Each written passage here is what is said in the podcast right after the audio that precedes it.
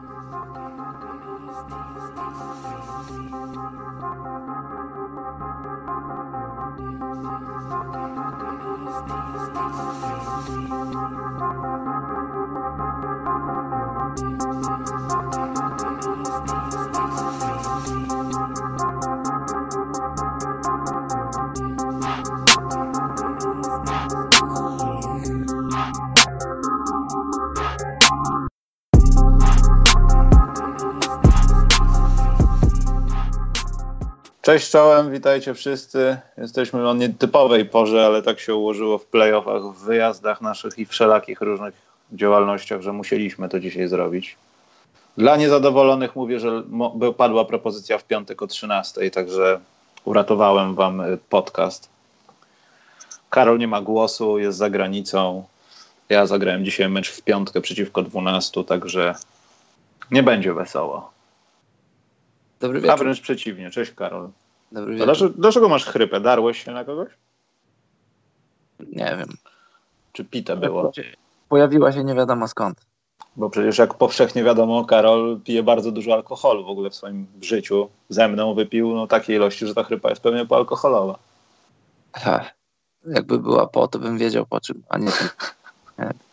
No, ale oby, oby może, cię nie zawiało zmieniałem klimat z Polski. Z Polski wróciłem na północ i może to jest przyczyną, nie wiem. No poza tym jesteś w miejscu, gdzie jest śnieg. To warto odnotować, że, Właśnie. że to nie jest normalne, kiedy w Warszawie na przykład jest 20 stopni, także u ciebie w domu też jest cieplej. Dobrze, Karol.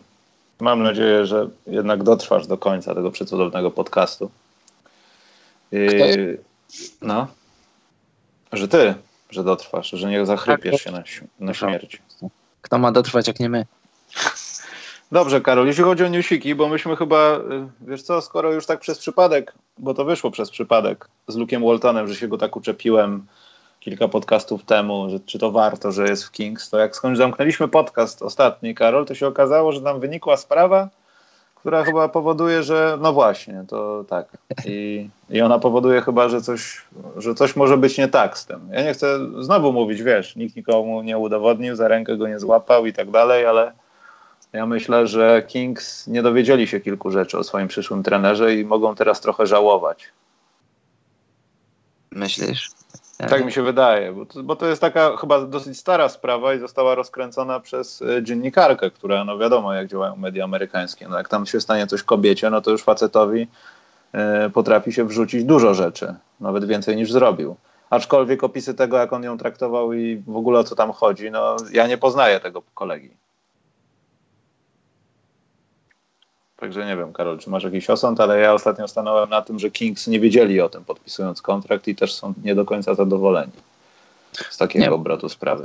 Michał, nie mam nic ciekawego do powiedzenia w sprawie. myślałem, myślałem, że jesteś naszym obywa- obyczajowym ekspertem, Karol. Może jestem, ale to, co Luke Walton robi poza, poza boiskiem, poza deską trenerską, to, to nie moja sprawa. Jak pójdzie siedzieć, to Kings sobie zatrudnią innego trenera. Nie, no w tych sferach towarzyskich to za takie rzeczy się nie idzie siedzieć, Karol. No. no właśnie. Pienio pieniążki wszystko, tylko pieniążki i ugotki. Są, wszystko, to się rozmyje po kościach i, i Kings będą mieli nowego trenera i, i tyle. No dobrze, Karol. Y, to w takim układzie jeszcze smutniejsza rzecz, rzecz. Śmierć zrobiła przechwyt, zabrała Johna Hawliczka. Nie wiem, czy czka można dodać, ale spalszczamy takie nazwiska. Tak, trzeba nawet. Karol, ja nie chcę mówić, że, że będziemy teraz płakać nad gościem, którego nikt nas nigdy nie widział, no bo fakty są takie, e, że no, dużo osób, to jest taki case Billa Russella, no, ile my możemy wiedzieć, pamiętać z tego, kim był ten facet, ale e, ja przynajmniej kiedyś tam się starałem zapoznawać z tymi starszymi koszykarzami. Dla mnie to było strasznie no to też liga była inna, no pozbawiona czarnoskórych zawodników yy, i tak dalej, ale to był wyjątkowy gość. W sensie patrząc na jego dokonania, to ile razy był w meczach gwiazd, MVP i tak dalej, to, to naprawdę jest kosmos do dzisiejszych czasów na tej pozycji. I zastanawiam się, czy jakaś nagroda nie powinna być tytułowana właśnie imieniem pana Hondo. To jest, to jest bardzo dobry pomysł. Ja się, ja się tutaj zgadzam z tobą. Ja też nie będę mówił, że, że znam bardzo dobrze jego postać. Znaczy postać znam, znam historię, ale meczów takich całych, nie, nie będę oszukiwał, nie widziałem ani jednego całego meczu Hawliczka. Widziałem wiele highlightów, czytałem dużo różnych rzeczy, ta postać jest mi, jest mi znana, dokonania są mi znane, ale jako koszykarz, jako postać z parkietu, to no nie, nie czuję się kompetentny, żeby mówić o jego grze.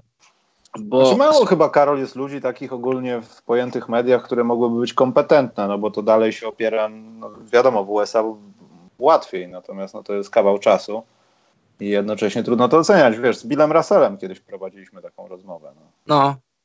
I wiesz, kim byłby ten gość, gdybyśmy nawet wiedzieli o nim więcej? W sensie, co by dał innym zawodnikom, no bo te rzeczy, które mogliśmy oglądać są dosyć mocno szczątkowe, aczkolwiek z Havliczkiem nie jest aż tak wcale najgorzej, jeśli o to chodzi. Nie, nie jest. nie jest taka jest, kopalnia. Jasne. Jest dużo materiału, e, z którego ja trochę widziałem, ale to są raczej highlighty. To są raczej wycinki materiałów niż całe mecze. No meczu takiego od pierwszej do ostatniej minuty niestety nie widziałem ani jednego. Ale liczę, że Liga a co, do, a, co do, no. a co do twojego pomysłu, żeby nazwać jego nazwiskiem jakąś nagrodę, jakieś wyróżnienie, oczywiście jestem jak najbardziej za. To się powinno stać, tylko jaką, Karol, nagrodę? Nie wiem, może najlepszego obrońcy, imienia, wiesz, yy, nagroda do najlepszego obrońcy roku imienia Johna Hawliczka z racji tego, wiesz, Hawliczek skradł piłkę. Coś, coś w tym stylu. Stole the ball. Tak, Właśnie. to prawda, ale to też jest trochę takie, ja wiem, no i to wynika z tego, co ty powiedziałeś, no, że głównie tak jak z Jerem Westem trochę, no, że the logo, wiesz, i reszta już jest piachem. Już nikt tam nie pamięta jakichś drobnych rzeczy, które zrobiłeś i spowodowały, że jesteś w tym miejscu, w którym jesteś. I to też takie trochę no, smutne, no ale nie mamy wyjścia za specjalnie, niestety. Yy, dobrze. Poczekajcie, bo mam małą jakąś yy, mam jakąś mały problem z YouTube'em, ale chyba wszystko jest dobrze. Karol, yy, robimy co mnie wpienia? Bo chyba jeśli chodzi o sprawy newsikowe, no to chyba nic wielkiego nie stało się w lidze poza rzeczami, które, o których będziemy mówić no, z okazji playoffów, no bo głównie o tym będziemy mówić. Mhm. E, Karol, co cię wpieniło? Bo mnie chyba nic nie wpieniło w tym tygodniu. Nie wiem, czy to jakoś wyjątkowo, ale jakoś tak nie mam problemu z niczym w tym tygodniu. E, wpienia mnie. Chociaż nie, przepraszam, miałbym, tak. I to dalej będzie o domenach z internetu, bo jest kolejny fuck up, Karol, który bardzo mnie zbulwersował. Aha. A już mogę mówić? Oczywiście, ja czekam. Dziękuję. Wpienia mnie to, jak ludzie cieszą się, że, że pod koniec kwietnia w Polsce jest 26, 27 czy nawet 30 stopni. Ludzie tak się cieszą, takie będzie słońce, pójdziemy nad jeziora, wiesz, jak nad jeziora, nad jezioro, pójdziemy nad jeziorko, będzie fajnie. Ludzie, to, że pod koniec kwietnia w tych szerokościach geograficznych w Polsce jest 28 stopni, 30, to nie jest dobrze. Zmienia się klimat, jest źle. Nie, to nie jest dobrze. Nie powinniśmy się cieszyć, ludzie nie powinniście się cieszyć, że, że mamy upały pod koniec kwietnia, bo się zmienia klimat i to będzie to się źle na nas odbije. A to, że ludzie próbują zaspokajać swoją próżność, że będą mogli wyjść, posiedzieć na trawie, po, po opalać swoje tłuste brzuchy, to, to jest słabe. I to mnie wpienia. Dziękuję. Czy ja wiem, Karol? Tak, Michał, wpienia mnie to. Dlaczego ludzie tak pragną tych, tych 30 stopni? Przecież to jest nie do wytrzymania.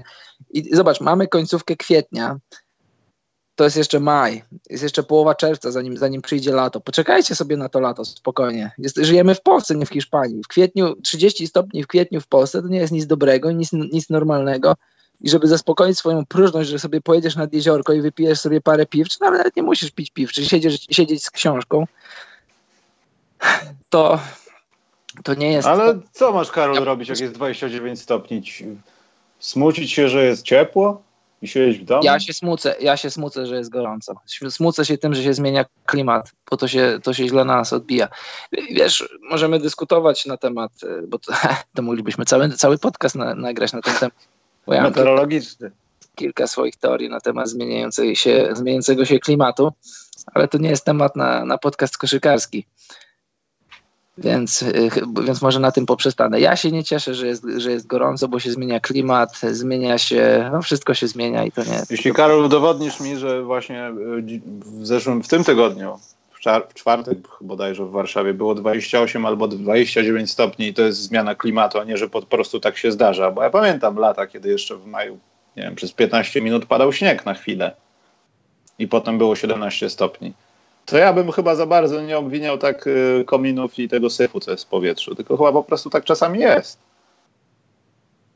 Czasem tak jest, tylko niestety od paru lat już takie to, to, już, to jest zjawisko, a jak, a, jak, a jak zjawisko się dzieje przez kilka lat z rzędu, no to już mamy jakąś tendencję. No może tak, ale wiesz, z kraju, gdzie może nie jesteś, ale z tego kraju, gdzie był potop szwedzki, no to oni po Bałtyku przeszli na piechotę, bo zamarzł. Tak, I wtedy, tak. I wtedy chyba nie było efektu cieplarnianego. Znaczy nie chcę wychodzić na jakiegoś ignoranta unikającego problemu, że nie ma takich rzeczy. Oczywiście, że są, ale to tylko potwierdza fakt, że takie rzeczy może się dzieją po prostu. Y, Jasne, dzieją się, klimat się zmienia, a co za tym stoi, czy kto za tym stoi, to, to jest temat na inny podcast. Natomiast kto stoi za tym, że w Polsce istnieją firmy, które sprzedają domeny, które działają w taki sposób, żeby nabić się w butelkę? To jest druga odsłona mojego problemu. W sensie dla świata koszykówki szukałem domeny, znalazłem, kupiłem w pewnym serwisie, ale nie w tym, w którym y, jest hosting. No i okazało się, że jest wielki problem, żeby tą domenę połączyć z tamtym, to z tym. Rozumiesz, Karol? Mhm. No i okazało się, że w tym serwisie, gdzie mamy tą usługę, yy, jest taka sprawa, że nie możesz dopisać sobie z palca odpowiednich danych, tam DNS-ów i tak dalej. Już nie chcę wchodzić w szczegóły. Tylko musisz wykupić usługę, która nazywa się DNS Anycast i wtedy za 50 zł rocznie, czy tam za 100 możesz albo przenieść tą domenę, którą kupiłeś gdzieś taniej, do nas to będziesz miał za darmo. Mhm. No i zbulwersowany tym faktem zacząłem grzebać. Okazało się, że u dostawcy domeny można w bardzo prosty sposób po prostu wpisać adres IP i przekierować wszystko na serwer i, i nie trzeba płacić. Znaczy ja nie chcę, żeby ode mnie wiało teraz cebulą, że unikam wszystkiego, żeby płacić, no ale myślę, że w cywilizowanych i jest druga firma w Polsce, która też się zajmuje, mm, konkurencyjna można powiedzieć. Yy, Jaki to serwis nazwa.pl w taki sposób działa. Ja czytałem bardzo dużo wypowiedzi ludzi na wykopie, kiedy zaczął się ten proceder jakieś pół roku temu i no i wszyscy byli zbulwersowani. Natomiast jeśli logujecie się w home.pl, dzwonicie do infolinii, niestety nie można tego zrobić z palca, pani wam to robi i mówi dziękuję, przepraszam, miłego dnia i nikt tam za nic nie płaci. A to jest pisanie raptem 6, 8, 9 cyfr, które tak naprawdę, no wiesz, no dla, dla mnie może nie są ważne, ale dla jakiegoś serwisu albo dla kogoś, kto się zajmuje takimi sprawami, ma kilka tych rzeczy pod sobą, no to jest dosyć kłopotliwe, a przede wszystkim to są pieniądze za nic, bo ta usługa DNS, Anycast nie powoduje nic tak naprawdę To prawda. więcej poza tym, co ja wykonałem. Dlatego nie wiedziałem, że to jest aż tak źle, że, że no już dochodzi do takiego dyktowania e, rzeczy i tak dalej. Oczywiście tak, tylko na przykład mają takie usługi, które no, są na przykład konkurencyjne. No, pod koniec zeszłego roku serwer jakiś tam za 7 zł. Wiadomo, że za rok dofasolą, ale przynajmniej można rozwinąć serwis, zapisać backup i go przenieść ewentualnie gdzieś. No ale ja byłem, Karol, zbulwersowany, bo już myślałem, że się tego nie da zrobić, bo ta firma, w której wykupiłem domenę, nie mogłem doszukać się tych opcji, na szczęście się znalazło i, i taka niby mała rzecz, ale gdybym zrobił to na ostatnią chwilę, to na przykład na czas bym nie odpalił serwisu, wiesz. Mhm. Strasznie. No, I na czym ostatecznie stanęło? no na tym, że wszystko działa tak, jak miało działać, nie ma najmniejszego problemu, przekierowania są zrobione tak, jak mówiłem i nie zapłaciłem za to ani złotówki, no bo zrobiłem to tak, jak powinno to wyglądać. Dodawaj chęcią, e, Jeszcze nie chcę podawać, ponieważ tam e, jeszcze nic nie ma, ale podam w swoim czasie, a to chyba będzie jutro albo w poniedziałek. Dobrze. E, W takim razie, a Karol, musimy odbębnić. Ja wiem, że już cały świat szalał na ten temat, ale my musimy powiedzieć parę słów. Ja tutaj, to będzie prawdopodobnie najbardziej hatingowy podcast przeciwko Oklahomie. Mhm. E, Zaczniemy od tego, że naszym TISO jedynym w playoffach, 26 z kolei od kiedy mamy ten dział. TISO buzzer beater to oczywiście pan Damianek, który no, usmażył Oklahomę. E, Zrobił coś fenomenalnego, jednocześnie trochę głupiego i nieodpowiedzialnego. Fantastyczny rzut. E, Piękna historia. tak. Ja nie będę już. Wszyscy, wszyscy co się interesują koszykówką, e, to widzieli, mam nadzieję, więc, więc ja tylko chciałem zaakcentować, że od tego może zaczniemy naszą rozmowę dotyczącą playoffów, chyba że chcesz coś powiedzieć, Karol, na temat tego rzutu samego Tak. w sobie. Z tego złego Proszę. rzutu. No Karol, to był zły rzut, no umówmy się. Jeśli patrząc z punktu widzenia trenera, który wie o tym, że ty masz posiadanie i jest dogrywka, to była zła decyzja. Nie, musimy patrzeć na to y, na, mówimy o słowach Paula George'a, który powiedział, że to był zły rzut i musimy patrzeć na to na dwa sposoby. Przyjąć kryteria ogólne koszykówki, przyjąć kryteria NBA, może nawet i trzy aspekty i przyjąć kryteria Damiana Lillarda, bo Damian Lillard ma bardzo dobrą skuteczność, jeśli chodzi o rzuty z 10 metra i dalej.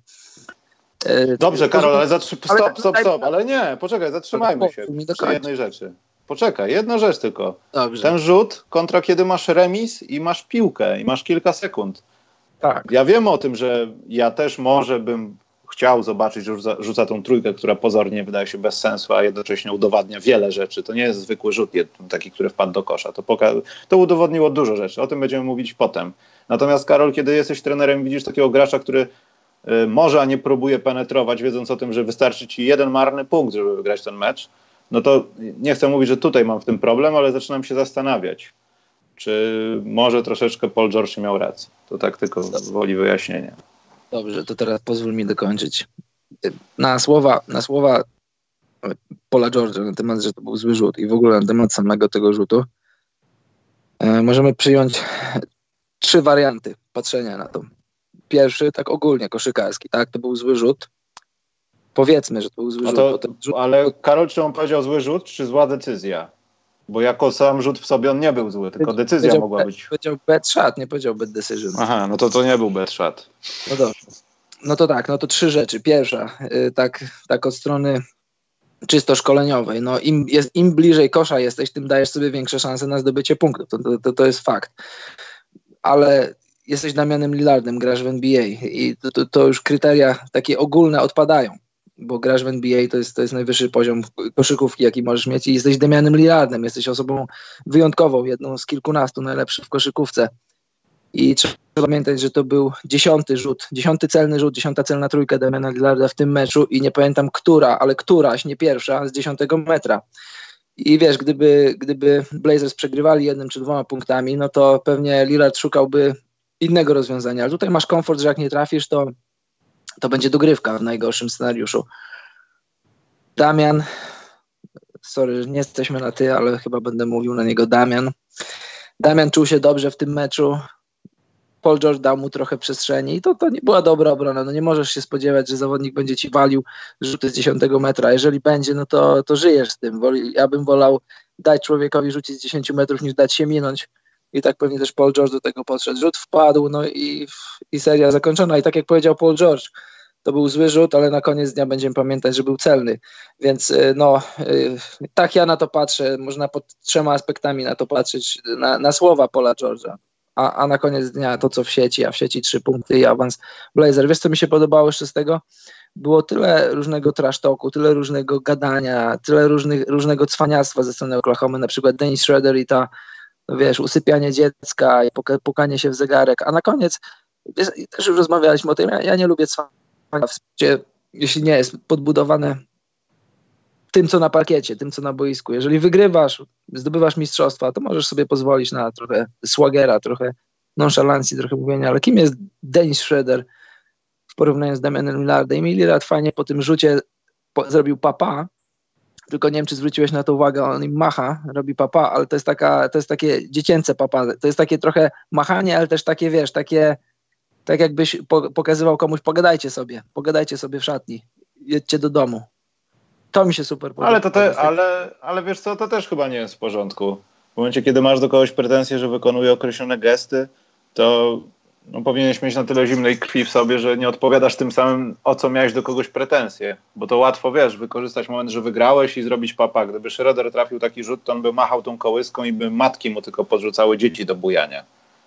No tak, o to mi chodzi właśnie. Y, Damian Lillard zrobił to po krzykarsku, zrobił to, zrobił to w sportowym stylu i zrobił to na zimno, jak prawdziwy twardziel, jak prawdziwy zwycięzca. Nie wdawał się w jakieś gierki po meczu którymś tam trzecim, czwartym tylko pokazał na boisku i ten gest, moim zdaniem gest to, to jest jeden, jeden z lepszych gestów tej dekady, jeśli chodzi o kończące serię, jeśli chodzi o jakieś historie w playoffach. Dał się wygadać swoim rywalom, a później zamknął serię w stylu, jaki zapisał się już na pewno w historii koszykówki. Mm. Też trochę miałem z tym taki kłopot, jak Paul George to mówił. I jednocześnie wiesz o tym, że z Polem George'em w drużynie jest facet, który dla niego takie rzuty to jest, wiesz, normalny rzut. To tak, ja właśnie patrzyłem na Westbrooka, jak mówił to Mówił to Paul George, Westbrook. Westbrook nie, niewzruszony, niedrgnięty, nawet nie spojrzał w stronę Paula George'a. Hmm. No ale o tym pogadamy zaraz, bo postaramy się podsumować jakoś to, co się stało w pierwszej rundzie, chociaż jeszcze jedna seria no dzisiaj, dzisiaj umrze. Już nie ma wyjścia. Mecz numer 7 San Antonio e, Denver. E, to może pogadamy o tym, jak to się zakończy, chociaż myślę, że już wtedy będziemy w drugiej rundzie. Chyba, że coś chcesz, Karol, powiedzieć o tej serii, bo ona już w zasadzie jest skończona. Czekamy tylko na dzisiejszy Denver mecz. San Antonio? No, zaczniemy od zachodu może. Y, słuchaj, ja powiedziałem już wcześniej, że ta seria bardzo mi się podoba. E, I kiedy było, nie pamiętam, było 3-2 ostatnio, jak rozmawialiśmy, powiedziałem, że nie wiem, kto to wygra, ale y, z, z, chęcią oglądam te mecze, z chęcią oglądam tę serię, co się w niej dzieje. Kto wygra, ten wygra, niech wygra lepszy. No, no teraz faworytem moim zdaniem są, chociaż ciężko powiedzieć, czy parkiet, czy, czy własny parkiet, bo, bo presja trochę myślę, że jest po stronie Nuggets. Przyszli do playoffów jako dwójka, będą grali u siebie. Jak San Antonio wygra, to zrobi niespodziankę. Może nie sensację, ale niespodziankę. Jak Denver wygra, to zrobi po prostu to, co mieli zrobić jako dwójka z siódemką. Jestem bardzo ciekaw, jak ta seria się zakończy. Y, nie pogniewam się, jak zobaczę w drugiej rundzie, którą, obojętnie którą z tych drużyn, bo mam swoje sympatie i po stronie Nuggets, i po stronie Spurs. Niech wygra lepszy. Gdybym miał stawiać, to a może to zrobię. Y, nie wiem, na razie nie wiem, zastanawiam się. Zobaczymy, na kogo będą lepsze kursy. Znaczy, kto będzie underdogiem. Lubię na underdogów stawiać. Gdybym był kibicem Denver, to bym był bardzo, ale to bardzo wkurzony, że tak naprawdę ta moja dwójka nic nie znaczyła w tej serii. Że no, ale też, tak, była, no. Byliśmy drużyną, która była na szczycie zachodu, a wiadomo, no to jest San Antonio. Ale mimo wszystko drużyna, która nie chcę powiedzieć z trudem, ale no z dolnego miejsca w kłopotach też powiedzmy, yy, sprawia mi aż takie problemy. Tam jeszcze są te historie z Marejem, coś tam podkontuzyjne jest, nazwijmy to, ale, no ale gdybym był kibicem Nuggets, nie bym był zadowolony chyba z tej serii. Sportowo jestem bardzo zadowolony, ale gdybym był takim diehard fanem Denver, chyba bym zadawał bardzo dużo pytań, co się tutaj dzieje. O wiesz, i tak, i nie, no bo, no bo to, to nie jest taka typowa siódemka. Spurs to nie jest taka typowa siódemka. To nie jest, to nie jest typowy trener, który trenuje drużynę, która ledwo weszła do playoffów. E, Aldridge i DeRozan to nie są tacy typowi zawodnicy, którzy zwykle ledwo wchodzą do playoffów. Mówiliśmy, tak reklamowaliśmy, tak zapowiadaliśmy tę serię, że ona może być niewygodna dla niedoświadczonych młodych Nuggets i, i, i taka jest. Ty mówiłeś, że będzie 7 meczów, ja mówiłem, że będzie 6. Obaj się zgodziliśmy, że to będzie długa seria. Jest długa, jest ciekawa. Nic więcej nie mam do powiedzenia. Niech wygra lepszy. Nie zdziwię się, nie wiem, czy będę ten mecz oglądał, bo mam pewnych kilka rzeczy do zrobienia jutro już od rana, ale, ale jak wstanę i sobie sprawdzę wynik, to nie zdziwi mnie żaden wynik, choć może nawet i pokuszę się i wstanę i obejrzę ten mecz. E, ja bym chciał, e, żeby to, może dla San Antonio to będzie lepiej, jeśli odpadną z tej serii w siódmym meczu. Ja wiem, to źle brzmi, bo bliżej mi trochę do San Antonio niż do Denver w tej serii. Natomiast no nie wiem, czy dla Denver to zwycięstwo nie jest potrzebne jak woda, żeby Jokic był tym samym Jokiciem, który rzuca, wiesz, po 40 punktów i nie podaje głównie, tylko atakuje. Jest opcją numer jeden i wszyscy wiedzą, kto jest liderem w tej drużynie. No. No Jokic musi atakować. Mówiliśmy, ja mówiłem ostatnio, powiedziałem, że Jokic musi stać się Neo. Już nie może być panem Andersonem. Kto lubi Matrix? Pozdrawiam wszystkich, którzy lubią Matrix, bo ja bardzo lubię. E, dobra, no to zejdźmy niżej w tej e, tabelce playoffowej. Już mówiliśmy o tym Portland, Oklahoma. To się, Karol, zakończyło tak szybko. O, Russell Westbrook jest tak nonszalancki po tej serii, że o, w takim układzie teraz już nie będę podawał, czy będę rzucał. Ja nie, ja nie odebrałem tego jako skruchę, ale odebrałem to za nonszalancję i takie trochę olewcze podejście do sprawy. E, no trochę ale, tak. Ale o samej serii w sobie no nie, nie ma o czym tutaj mówić. No Portland zjadło Oklahoma i Oklahoma dała się zjeść. Ona zjadła się taką autoagresję przez zjedli się trochę od środka. I chyba Karol najbardziej mi żal tej sytuacji jest Pola George'a który tak, musi mówić określone rzeczy, bo te rzeczy, o których ty mówiłeś, że on tak powiedział, on, gdyby nie był w Oklahomie, to by tego nie powiedział. To nie było obiektywne, to po prostu było trzymanie się drużyny. To jest bardzo ładne i super. Natomiast to, to nie, nie czuć było prawdy z tego, że on tak naprawdę, wiesz, popiera tą drużynę, że on tak się bardzo czuje w niej, że na dobre i na złe, bo on też chyba widzi o co chodzi. A zachowanie Westbrooka, ja nie chcę mówić, że każdy z nich ma prawo robić to, co chce na tych konferencjach, no ale to jest taka taka bucowatość z nonszalancją. To jest najgorsza tak. rzecz, jaką możesz mieć u sportowcy, który jednocześnie jest utalentowanym sportowcem. To zabija wszystko to, co masz w sobie. I no. jak Karol będzie wyglądała Oklahoma, Oklahoma po tym wszystkim? Słuchaj, Michał, Oklahoma będzie wyglądał tak samo. Tam, tam się mogą wydarzyć jakieś małe ruchy, ale to będą ruchy nieznaczne, bo e, no, Paul George jest pod kontraktem, Westbrook też jest pod kontraktem. E, Steven Adams jest pod kontraktem. Możesz próbować ruszać któregoś z nich, no ale wątpię, żeby Oklahoma chciała już zrezygnować z opcji Paul George, Russell Westbrook, skoro w Paula George'a zostały zainwestowane pieniądze, długi kontrakt, Westbrooka to samo. Może zmieni się koncepcja, może zmieni się trener, może jakieś tam elementy tej układanki będą, klub będzie próbował gdzieś tam pchnąć w wymianach, no ale ten trzon, trzon tej drużyny na pewno zostanie, to znaczy na pewno, no w NBA nie możesz być pewnym niczego, no ale gdzie możesz pójść krok dalej, będąc Oklahomą? Musisz wierzyć, tak mi się wydaje, że na razie jeszcze musisz wierzyć w to, że, że ten eksperyment jeszcze, jeszcze ma przed sobą przyszłość, że, że ta formuła się jeszcze nie wyczerpała, bo moim zdaniem się jeszcze nie wyczerpała, że wszystko jest, wszystko jest w Westbrooku. może nie wszystko, ale bardzo wiele. Zobacz, w meczu, w którym Paul George zdobył 36 punktów, trafił 14 z 20 rzutów, aż prosiło się, żeby w końcówce dać mu kilka piłek, aż się prosiło, żeby wykreować go kilka razy. Ale nie, Westbrook musiał forsować swoje, swoje, swoje i mówię po raz, nie wiem, nasty, być może nasty, tak mi się wydaje, na przestrzeni sezonu, tego sezonu, na temat wchodzenia do głowy Westbrooka. Ja staram się, kiedy tylko mogę, wejść do głowy Westbrooka, bo to jest dla mnie bardzo interesująca postać i ja nie mogę go rozgryźć, naprawdę nie mogę go rozgryźć. I, i, i też uderzyło mnie to, co ty powiedziałeś, że to on mówi o tym, że będzie próbował rzucać, że teraz, no fajnie, niech próbuje rzucać, no bo to już jest po, już po złej stronie trzydziestki jest, już atletyzm będzie uchodził, czy on tego chce, czy nie. No jest atletycznym freakiem. W ciągu ostatnich ilu pięciu czy sześciu lat przeszedł cztery operacje kolana i, i, i nadal kpi sobie z grawitacji. No ale kiedyś to się skończy, bo to się kończy każdemu. Zobaczymy, jak Russell Westbrook przyjdzie do następnego sezonu, bo no tak mówiliśmy ostatnio, może, może się spodziewamy, że, że rzeczy się zdarzą, a te rzeczy się nie, nie, nie dzieją z jakiegoś powodu. Nie zdarzyły się u Melo, nie zdarzyły się u wielu innych koszykarzy. Może u Westbrooka też się nie zdarzą. Wracając do pierwotnego pytania, co zrobi Oklahoma. Oklahoma pewnie nie zrobi jakiegoś gwałtownego ruchu. Być może skończy się to zwolnieniem Donowana.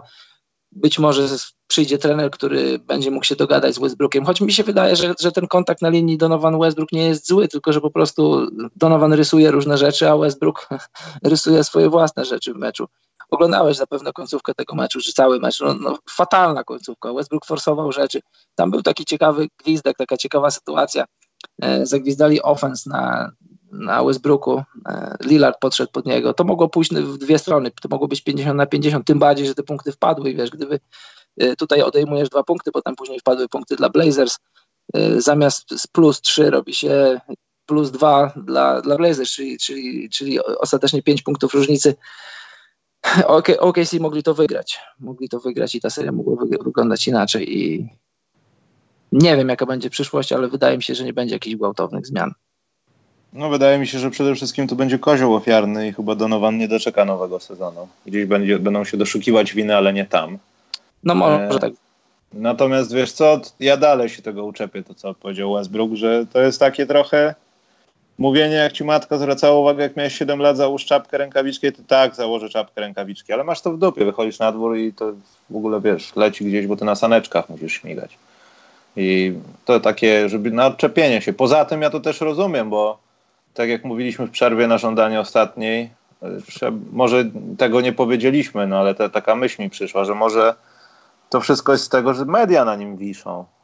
On gra, masę ma swoich wad, no wszyscy o nim wiemy, ale to, że no tak naprawdę tamta, koniec tamtej serii, dwa ostatnie mecze, no to były medialne wypusty na temat tego, jak Westbrook jest zły i jak bardzo rakowy jest w tej drużynie.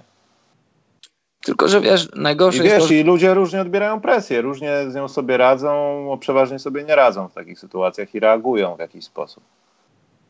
To jest prawda, Michał. Oczywiście, że to jest presja, tylko że, no właśnie, najgorsze jest to, że ta krytyka jest, jest prawdziwa, jest uzasadniona. To nie jest taki jakiś tam internetowy hejt. To są, to są głosy ludzi, którzy na koszykówce się znają. Zobacz, w zeszłym roku to, to była bardzo brzydka seria. Ta seria tutaj z, z Portland, ona jest y, ona nie jest fatalna, po prostu Blazers zagrali świetną koszykówkę i wygrali.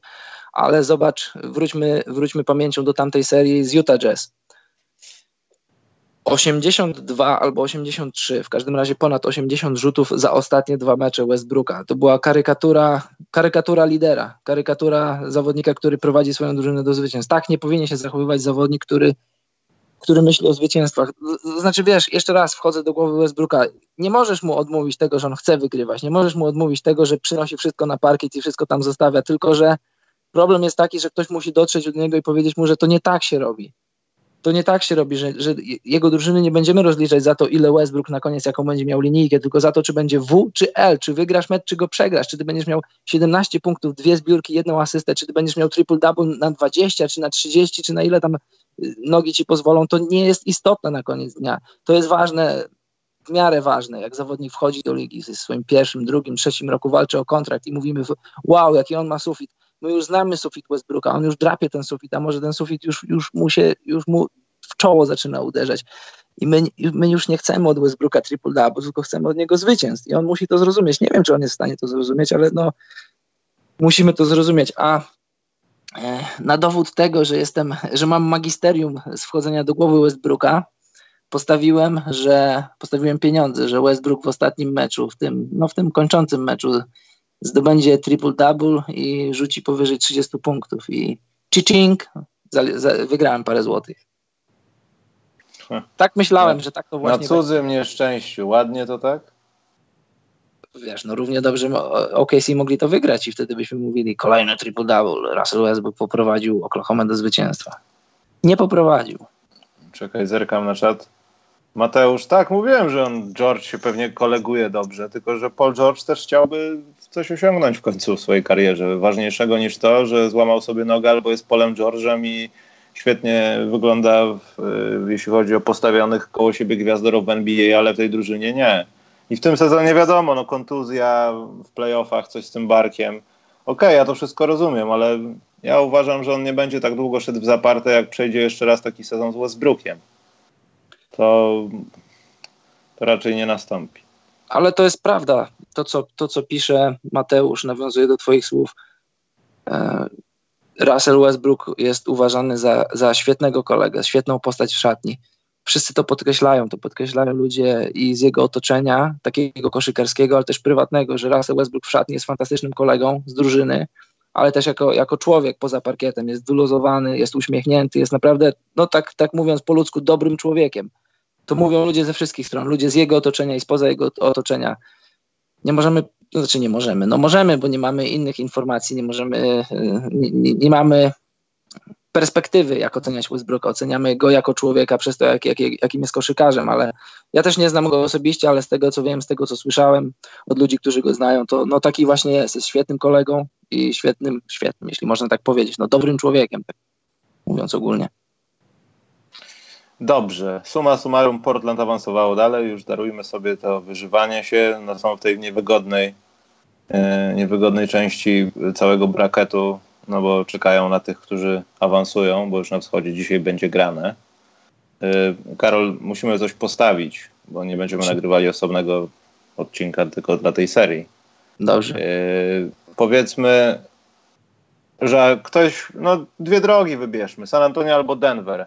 Czy Portland ma szansę awansować do finału konferencji przeciwko komukolwiek? Tak. Ja mam, ja mam dwa typy. Jeżeli, jeżeli San Antonio przejdzie, to stawiam na Portland w sześciu meczach. Jeżeli Denver przejdzie, to stawiam na Denver w siedmiu. Hmm. A ty jak to widzisz? Ja tak się właśnie zastanawiam, czy Portland nie wygra w obu przypadkach. Myślisz? No bo jeśli chodzi o San Antonio, no to oni na pewno zrobią pracę domową. San Antonio takie krystalicznie czyste nie jest. Tam wystarczy odpowiednio zrobić kilka odpowiednich rzeczy, nie dać się ogłupić, ograniczyć trójki, Derazana trochę zdenerwować, cokolwiek. Natomiast y, też tak się zastanawiam, w jaki sposób Portland będzie grało przeciwko San Antonio, wiedząc, że jest Aldridge i, i tak naprawdę nie mają człowieka, który mógłby go ograniczyć. A Alfaruk Aminu? No, może przez nie kwartę. Mówię, nie mogę zatrzymać, ale trochę uprzykrzyć granie. No, trochę, ale myślisz, że co, że te od deski nie będą wpadały, bo tam on jest? No nie sądzę. Będzie pewnie ich mniej i tak dalej, ale No, to będzie naj, najbardziej chyba mocny punkt San Antonio w tej serii, ale tak się zastanawiam, y, co zrobić z Denver. Bo jeśli Denver tak się męczy z San Antonio, to pozornie ta seria Denver-Portland będzie wyglądała tak samo jak Denver-San Antonio. Denver, utalentowany zespół, leci na gości, którzy nie mają nurkicia i Damian Lillard potrafi tylko rzucać z 10 metra. Takie uproszczenie. Wiesz co, I... ja bym powiedział, że ja bym powiedział, że e, tak jak powiedziałem przed chwilą, znaczy trochę wcześniej, że, że Nuggets nie są tak słabi jak, jako dwójka, grając San Antonio jako, siódemko, jako siódemką. E, Spurs jako siódemka nie są tak słabi jak, jak taka klasyczna siódemka i myślę, że jeżeli Nuggets przejdą do drugiej rundy, to oni trochę zrzucą mapę z pleców i już trochę łatwiej będzie im się grało bo wiesz, no masz naprzeciwko siebie wielką firmę, wielką markę San Antonio, Grega Popowicza. Tutaj nie mówię, że wiesz, nic nie ujmując Portland, no ale tu masz naprzeciwko siebie, że tak powiem, trochę swoich rówieśników, takich młodych chłopaków jak ty, jak, jak my sami. I dlatego stawiam na Denver, no bo mają przewagę własnego parkietu, a no to, to też będzie bitwa, to też będzie walka, ale ostatecznie myślę, że przewaga własnego parkietu, fakt posiadania Jokicza przeważy. No, to dobrze, to stawiając, jak wyjdzie San Antonio, no to może to Portland 6 jest rzeczywiste. Natomiast biorąc tak pod uwagę no, punkty zero obu drużyn, no bo to w serii może być bardzo różnie, co widzimy teraz, to wydaje mi się, że jednak Denver może przejść łatwiej to. W sensie nie będzie siedmiu spotkań, będzie pięć, sześć max. Cztery nie, no sweep to raczej bym nie, nie dawał, ale, ale pięć. Jeśli Denver ma mieć taką przewagę naprawdę na tle Portland, oni wyglądają aż za dobrze, tylko że wyglądają. I w tym jest problem. Dobrze, to ja sobie gdzieś to zapisuję. Dobrze. Najwyżej opublikujemy nasze aktualne typy gdzieś na Facebooku, żeby już wszystko było zrobione. Yy, mamy drugą rundę Carol Houston Golden State to będzie coś. E, natomiast chciałem porozmawiać o tych pierwszych rundach tych obu drużyn. No jeśli chodzi o Utah, Houston, to już chyba powiedzieliśmy wszystko i tam zabrakło nam jednego spotkania, ale, ale Houston zrobiło robotę, więc tutaj nie ma co, co przesadnie analizować. Ta seria się odbyła, musiała się odbyć. Utah mają nad czym myśleć w off-season. Mhm. Natomiast Golden Clippers, Karol, to tam, tam ja nie wierzę, że to był czysty sport to musiały być jakieś zakładziki, jakieś coś. Clippersi po prostu byli prześwietni. Zabrakło im najwyraźniej talentu, no niczego więcej, talentu, żeby, żeby ktoś odpowiadał, bo Kevin Durant sobie rzuca 38 w połówce i ma cały świat gdzieś. Co też pokazuje, jak y, mogą być ograniczeni Warriors w dalszych momentach playoffów, jeśli dalsze będą, jeśli będzie finał konferencji. Bo z tym Houston nie byłbym aż taki pewien. Ale Karol, czy Clippers myślisz mogą zrobić coś takiego, co poprawi ich status w przyszłym sezonie? Nie będą się bili o ósemkę i powiedzmy to będzie czwórka na zachodzie? No oczywiście, żeby nie przeklinać i nie dokładać słowa na Michał, przecież oni mają dwa, mogą podpisać dwa maksy i no, to znaczy nie wiem, czy to zrobią, bo to już nie od nich zależy, oni będą pieniądze mieli do wyłożenia, a komu je wyłożą i kto się, kto się na nie skusi, tego nie wiem, ale no tak, oni idą po największe nazwiska, po Kairiego idą, po Kałaja idą. Po, Już pomijając te nazwiska, to to co mają teraz w składzie. Mówię tutaj o Shaju Gilgiusie Aleksandrze, o ile się to jego nazwisko tak można odmienić. Tak, to możesz. Ten jego pierwszy krok to jest jakaś, to jest masakra jakaś. To jest jak jakiś trójskoczek, który się nie zdąży rozpędzić, a już jest w powietrzu. To jak mijał tu ludzi, to naprawdę była fenomenalna akcja i momentami bardzo przypominał mi kogoś, kim pewnie Patrick McCall chciałby być kiedyś. Taki chudy, niby obrońca, wiesz. Mhm. Naprawdę. To jest złota przyszłość. Myślę, że też powinniśmy może trochę już przestać nie lubić Patryka Beverly, bo ja wiem, że jego się nie lubi. A ja ale to... nie, nie lubiłem. Znaczy nie? nie? nigdy nie. Żeby zaprzeczyć, że go nie lubiłem. Zawsze go lubiłem. To może nie jest jakiś największej, największej klasy mędrzec i może ale z, wiesz męs, co? z męsy nie jest, ale to jak broni, to, to już mi wystarczy, Karol. Sorry, że ci przerywam. Właśnie byłem pozytywnie zaskoczony, bo słuchałem jakiegoś podcastu z nim. Nie pamiętam kiedy, to było w zeszłym sezonie chyba i byłem bardzo pozytywnie zaskoczony jego, jego intelektem. Intelektem może za dużo powiedziane, ale naprawdę miał dużo ciekawych rzeczy do powiedzenia i nie, nie dukał, nie mówił w jakiś ograniczony sposób. Byłem bardzo pozytywnie zaskoczony. Mówił ciekawie, mówił mądrze, mówił składnie. Czasami na boisku wygląda, jakby mu brakowało trochę głowy, ale tutaj byłem pozytywnie zaskoczony, że Patryk Beverly jest gościem, który ma do powiedzenia coś. No i przede wszystkim do Rivers. Oni go powinni przykuć kajdankami, nawet jak będzie gorzej się wiodło, ten człowiek naprawdę. Y, ja może się trochę uderzę w pierś, bo też tak poważnie zawsze nie traktowałem do Riversa jako trenera, ale to, co zobaczyłem, co robił z, ze swoim składem i z Warriors, no to stawia go na tej już górnej półce. To nie jest taka środkowa gdzieś pod kimś, to jest taka górna, górna półka, wydaje mi się. Tylko kwestia tego, jak bardzo te playoffy pozwoliły nam się tym omamić. Ale to już zobaczymy na jesieni pewnie. No, ale ja bym powiedział, że nie omamić, no bo przecież mieliśmy, mieliśmy na przestrzeni całego sezonu, mogliśmy zobaczyć jak, jak rotuje do Rivers tym składem.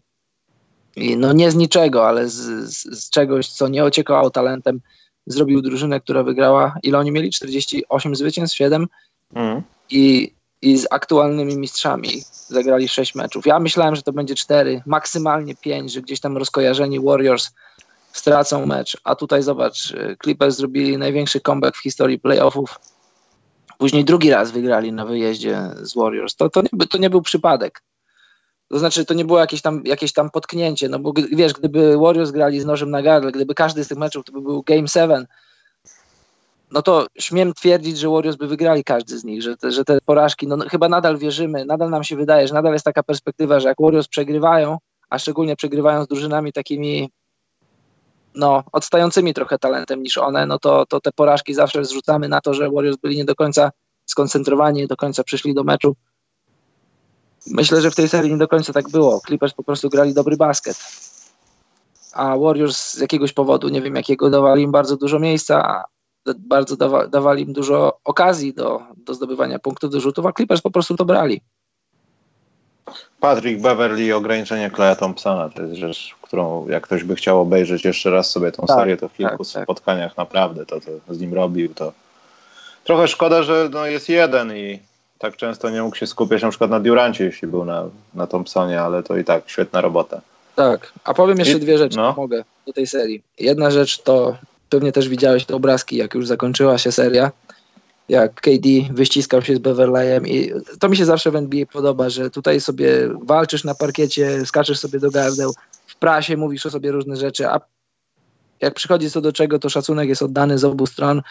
Y, talent wie, gdzie jest talent, szacunek wie, gdzie jest szacunek i też podobało mi się na konferencji, jak powiedzieli i Beverly i Williams, że no słuchaj, możesz mieć game plan, możesz zrobić co zrobić, co chcesz, a, a KD jest wyjątkowy, on i tak znajdzie drogę do kosza i super mi się to podobało, bo jest walka, jest, nikt nie cofa nogi, a później na koniec ludzie się szanują.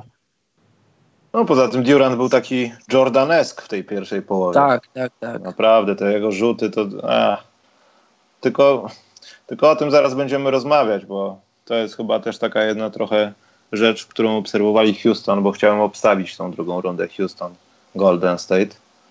A jeszcze jedno, tylko jedno no. zdanie. W serii do czterech zwycięstw w szachy Anthony Davis kontra Patrick Beverly, Beverly w cztery. W szach albo w warcaby. Warcaby to w trzech. Ale to też mi się przypomniało, że na przykład Draymond Green i Montrezl Harrell, yy, no, tam Green mu przerwał swój wywiad pomeczowy, żeby tam zbić piąteczkę, pobiec.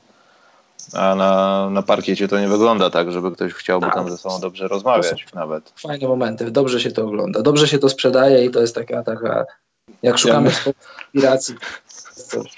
Jak wygrali w szachy, to Antony Davis walkowerem by oddał. grał, grał, grał znaczonymi pionkami. Zabrał swoje pionki od warcabów do szachów i dlatego sędzia go nie dopuścił. Dobrze, pohamujmy głupotę Antonego Davisa bo jeszcze się nasłuchamy w wakacje. Y, Warriors, no. Jakimi pionkami grałby Porzingis? Nie swoimi? Nie wiem. Yy... Lepiej nie, Karol, nie kontynuujmy tego. Yy, ale to też jest dobra rzecz, że chyba się po, pozbyli kłopotu. Także yy, akurat to dobrze. Warriors Rockets, Karol. to będzie tak sensacyjne, jak wszyscy mówią, czy Warriors stwierdzą, a przejdźmy się po nich, pokażmy znowu, że James Harden to tam dużo umie, ale zabijmy ich w obronie, w ataku, line-up śmierci, cuda nie widy, Steph Curry rzuca z 40 punktów samymi trójkami, coś. Czy, czy będzie walka, Karol? Słuchaj, ja na swoim fanpage'u postawiłem Rockets w sześciu. Może tak trochę wbrew swojemu e, rozumowi, rozumowi, może to za dużo powiedziane. No Warriors są faworytem, są mistrzem NBA, ale mistrz kiedyś mistrz kiedyś musi albo przegrać, albo e, w off-seasonie się rozbić, rozejść. No, historia zna wiele takich przypadków. Znaczy, no każdy mistrz kiedyś przestaje być mistrzem. I jakbym postawił na Warriors, to by nie było ani fajnie, ani ciekawie, ani śmiesznie. Stawiam, że to się stanie już teraz. Może nie do końca w to wierzę, ale stawiam. Słuchaj, Rockets mają wszystko, żeby to zrobić. Rockets mają wszystko, żeby przyjść jeszcze raz rok po roku do tej serii, już, już mądrzejsi, zdrowsi o jeden mięsień Chrisa Pola. Wszyscy będą patrzeć, wszyscy będą drzeć na te, na te nogi Chrisa Pola, bo od, od nóg Chrisa Pola wiele zależy. Rockets wierzą, że gdyby Chris Paul był zdrowy, to już w zeszłym roku by wygrali i być może zdobyliby mistrzostwo. Teraz przyszli ze składem, który jest moim zdaniem nie gorszy braku Trevora Lizy się nie odczuwa. Są inni ludzie, którzy robią jego robotę. A Warriors tak, tak po ludzku, tak fizycznie, też już mówiliśmy wiele razy. To nie tylko jest, jest fizyczny wysiłek, po raz kolejny grać w finale, po raz kolejny zdobywać mistrzostwo, ale to też jest psychiczne zmęczenie. No motywujesz się, bo masz mistrzowski skład. To Warriors to jest mistrzowski skład. Oni są faworytem tej serii. No ale w końcu kiedyś coś gdzieś kiedyś pęka i też patrzysz na tego KD, który będzie wolnym agentem i, i to wiesz, no jesteś kumplem na parkiecie, ale idziesz do domu i się zastanawiasz, co ten gość zrobi, co zrobi Clay Thompson. W, w, tej, w tej drużynie jest dużo takich, takich znaków zapytania, które ja, ja nie wierzę w to, że możesz sobie przyjść tak po prostu do szatni i o wszystkim zapomnieć, wszystko wyczyścić z głowy, a to gdzieś tam w jakiś sposób, ja tak wierzę, tak mi się, tak mi się wydaje, że to w jakiś sposób rzutuje. Nadal nadal jasne, to jest wszystko w Warriors. Jeżeli Warriors zagrają na 100%, to nikt nie zatrzyma KD. Jeżeli Clay Thompson zacznie trafiać, to, to, to możesz i, nie wiem, garnek na głowę położyć, ale i tak trafi. No stawiam na Warriors, stawiam na Rockets, stawiam na Rockets w sześciu, w sześciu meczach. A, a jak się pomylę, to się pomylę. To ty, Karol, odważny jesteś. No powiedzmy. Nie, wiesz co, ja ja jestem zdania, że to może być Warriors w siedmiu. Natomiast yy, nie chciałbym, żeby tak się stało. Yy, ale dlaczego, że Warriors w siedmiu? Wydaje mi się trochę, że to, co teraz się dzieje z Warriors, już pomijam sprawy tam Kazinsa nie ma i tak dalej. Oni teraz swoją grę w gorszych chwilach opierają, wiadomo, na obronie, ale na yy, wyciągnięciu z tej trójki jednej postaci.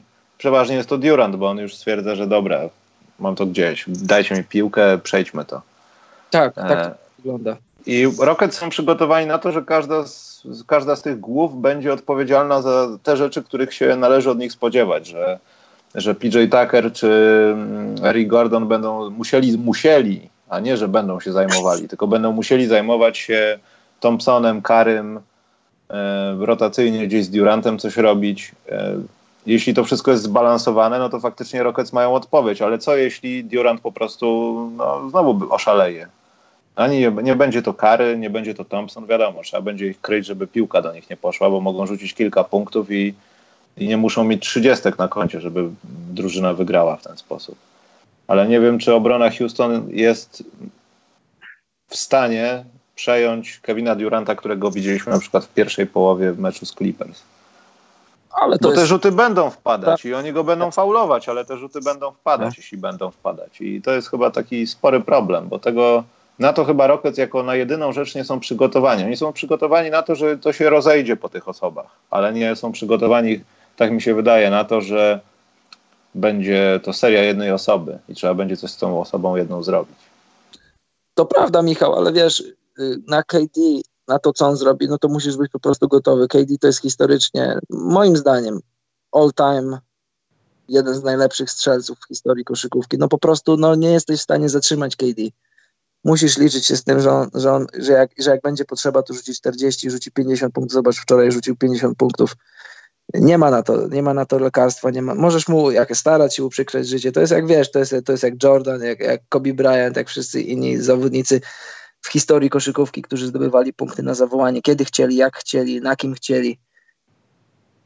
no wiesz, to już jest to już jest głowa Jeffa Bzdalika w tym, żeby tak, tak ułożyć defensywę, żeby spróbować żeby w jakiś tam sposób spróbować stopować, znaczy nie stopować, w jakiś tam sposób y, uprzykrzyć życie KD. Wiadomo, że on i tak swoje rzuci i jeśli będzie chciał, to i tak albo się dostanie na linię, albo znajdzie sobie rzut, gdzie będzie chciał, jak będzie chciał, czy to będzie wpadać, to, to, to tego nie wiemy, no ale no Rockets mają argumenty. Na pewno wydaje mi się, że będą próbowali kontynuować to, co robili w zeszłym roku, czyli, czyli gramy dużo izolacji, switchujemy tam, gdzie chcemy, będą próbowali atakować Stefa Karego, będą próbowali atakować zawodników których się boją w ataku, których będą chcieli męczyć w obronie i, i wiesz, i no to będzie robił Harden, to będzie robił PJ Tucker, to będzie robił Eric Gordon, ale wydaje mi się, że, że przyjdą z czymś nowym. Nie wiem, czym, co będzie tym nowym, ale, ale tak jak patrzysz na, na Rockets przez, przez cały tamten sezon, przez off-season i teraz zobacz, oni już pojechali do Oakland, oni już od paru dni tam siedzą, już się aklimatyzują, już tam mieszkają, oni mają, oni mają Warriors w głowach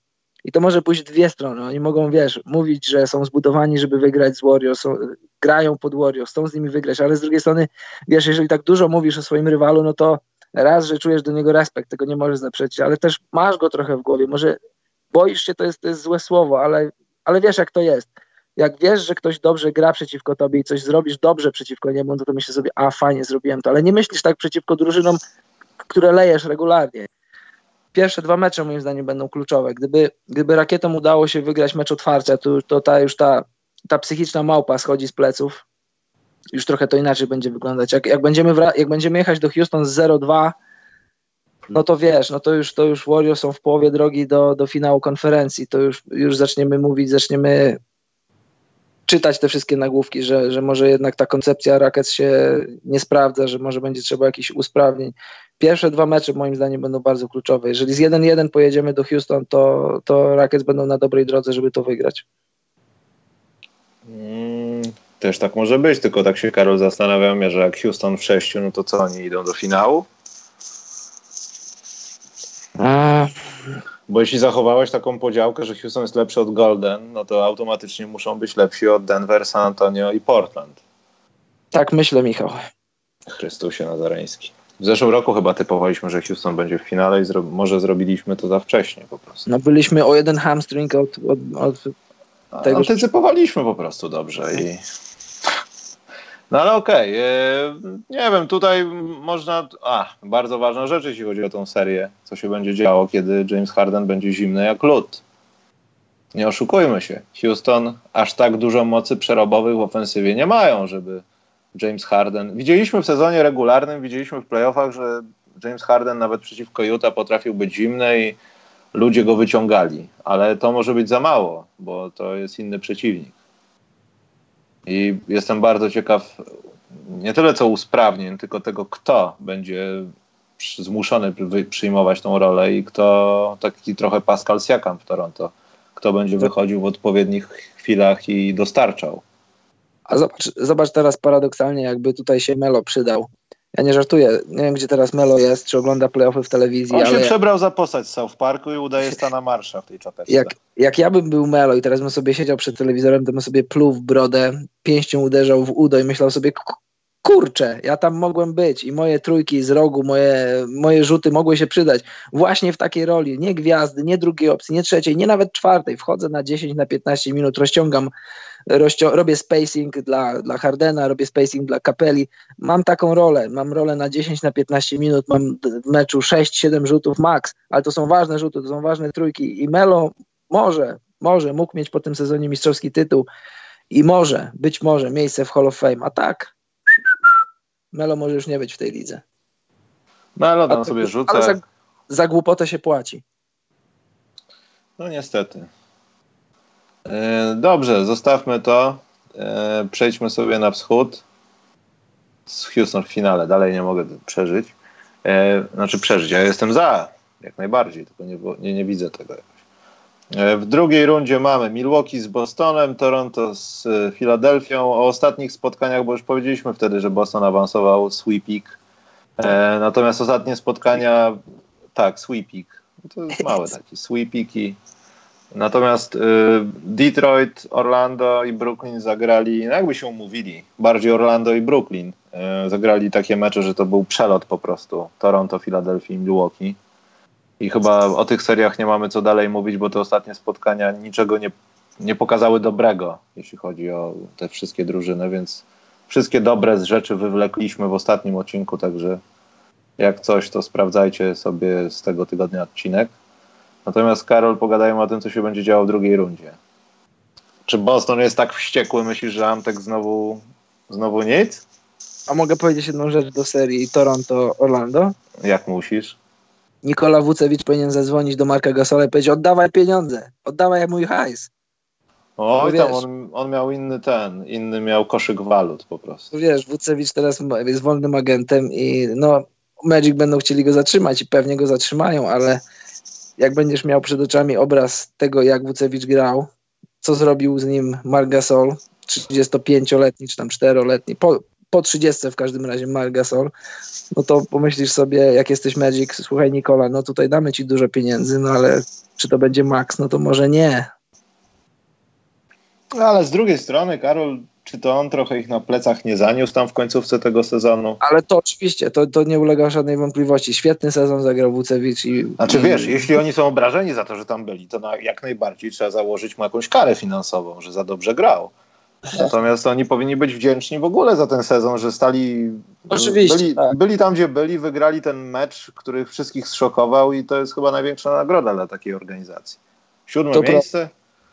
Jasne, wiesz, ja sobie trochę żartuję, no ale masz Wucewicza z sezonu regularnego i oczywiście w dużej mierze na jego plecach Magic weszli do playoffów, no i teraz masz y, Wucewicza, chyba, czy on pierwszy raz w swojej karierze grał w playoffach? Nie pamiętam tak. teraz dokładnie, musimy sprawdzić. No w każdym razie pierwszy w takiej, w takiej roli. No i czy to wiesz, czy ta rola go troszkę spaliła, czy to była kombinacja dobrej defensywy Gasola i tego, że, że pierwszy raz na takiej scenie. No oczywiście trochę sobie żartuję, bo Wucewicz na pewno dostanie swoje pieniądze, no ale... Ale, ale oddawaj pieniądze. Ale oddawaj pieniądze. Yy, dobra. Milwaukee, Boston, Karol. Yy, no ja postawiłem tak. na Boston. Tak? postawiłem na Boston w sześciu. Czyli myślisz, że ten sweepik coś znaczy? I będzie coś znaczył na, ten na Milwaukee? Ten sweepik to ja mam gdzieś, ale mam, mam e, przed oczami zeszłoroczną serię. I oczywiście tak, jasne. Bucks będą faworytem tej serii. Szukam trochę może na siłę, ale szukam trochę niespodzianki. Ale tak, e, Janis jest fantastyczny, jest lepszy niż w zeszłym roku. Tylko, że Janis cały czas nie dodał rzutu do swojej gry. Janis cały czas brakuje mu tego jednego wymiaru, żeby być już całkowicie nie do zatrzymania. Boston jest elitarną defensywą. Boston wie, jak bronić przeciwko Janisowi. Boston ma ludzi, ma, ma system, żeby bronić przeciwko Janisowi, ale też ma ludzi, indywidualności, żeby bronić przeciwko Janisowi. I wiesz, no tak, Bucks są faworytami. Ja trochę szukam niespodzianki. Może trochę wiesz, teraz usprawiedliwiam swój typ, no ale niech się dzieje, co, się, co ma się dziać. Postawiłem na Boston w sześciu, bo, bo Hayward jest coraz lepszy, a nie było go w zeszłym roku. Bo Irving jest, a nie było go w zeszłym roku. Bo Jalen Brown i, i Tatum na swoich młodych plecach, na swoich młodych barkach i nadgarstkach jak w zeszłym roku wygrali z Janisem i z Milwaukee, a teraz są o rok bardziej doświadczeni, o rok lepsi i mają lepszych kolegów ale mają więcej kłopotów, a Milwaukee jest lepszą drużyną w tym sezonie. Ja, to, to prawda, Michał, masz rację. Ja, ja, mnie tutaj żaden wynik nie dziwi, nie zdziwi.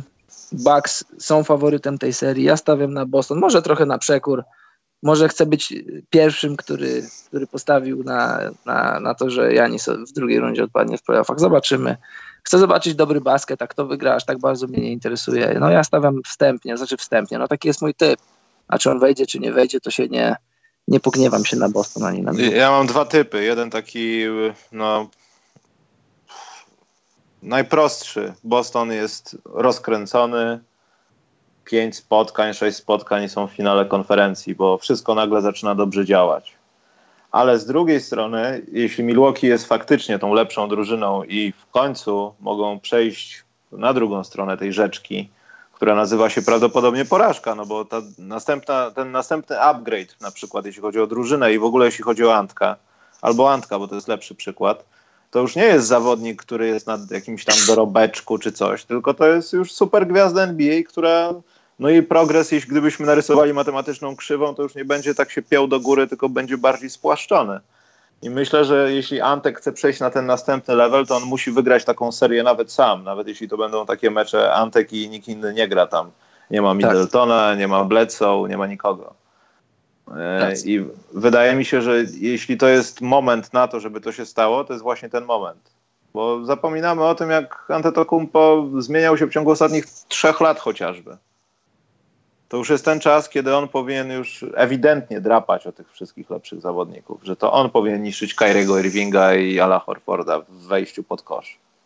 To jest właśnie ten czas, bo jeśli to teraz nie nastąpi, to może już nie nastąpić w Milwaukee i ta przyjaźń e, grecko-wisconsińska się zakończy.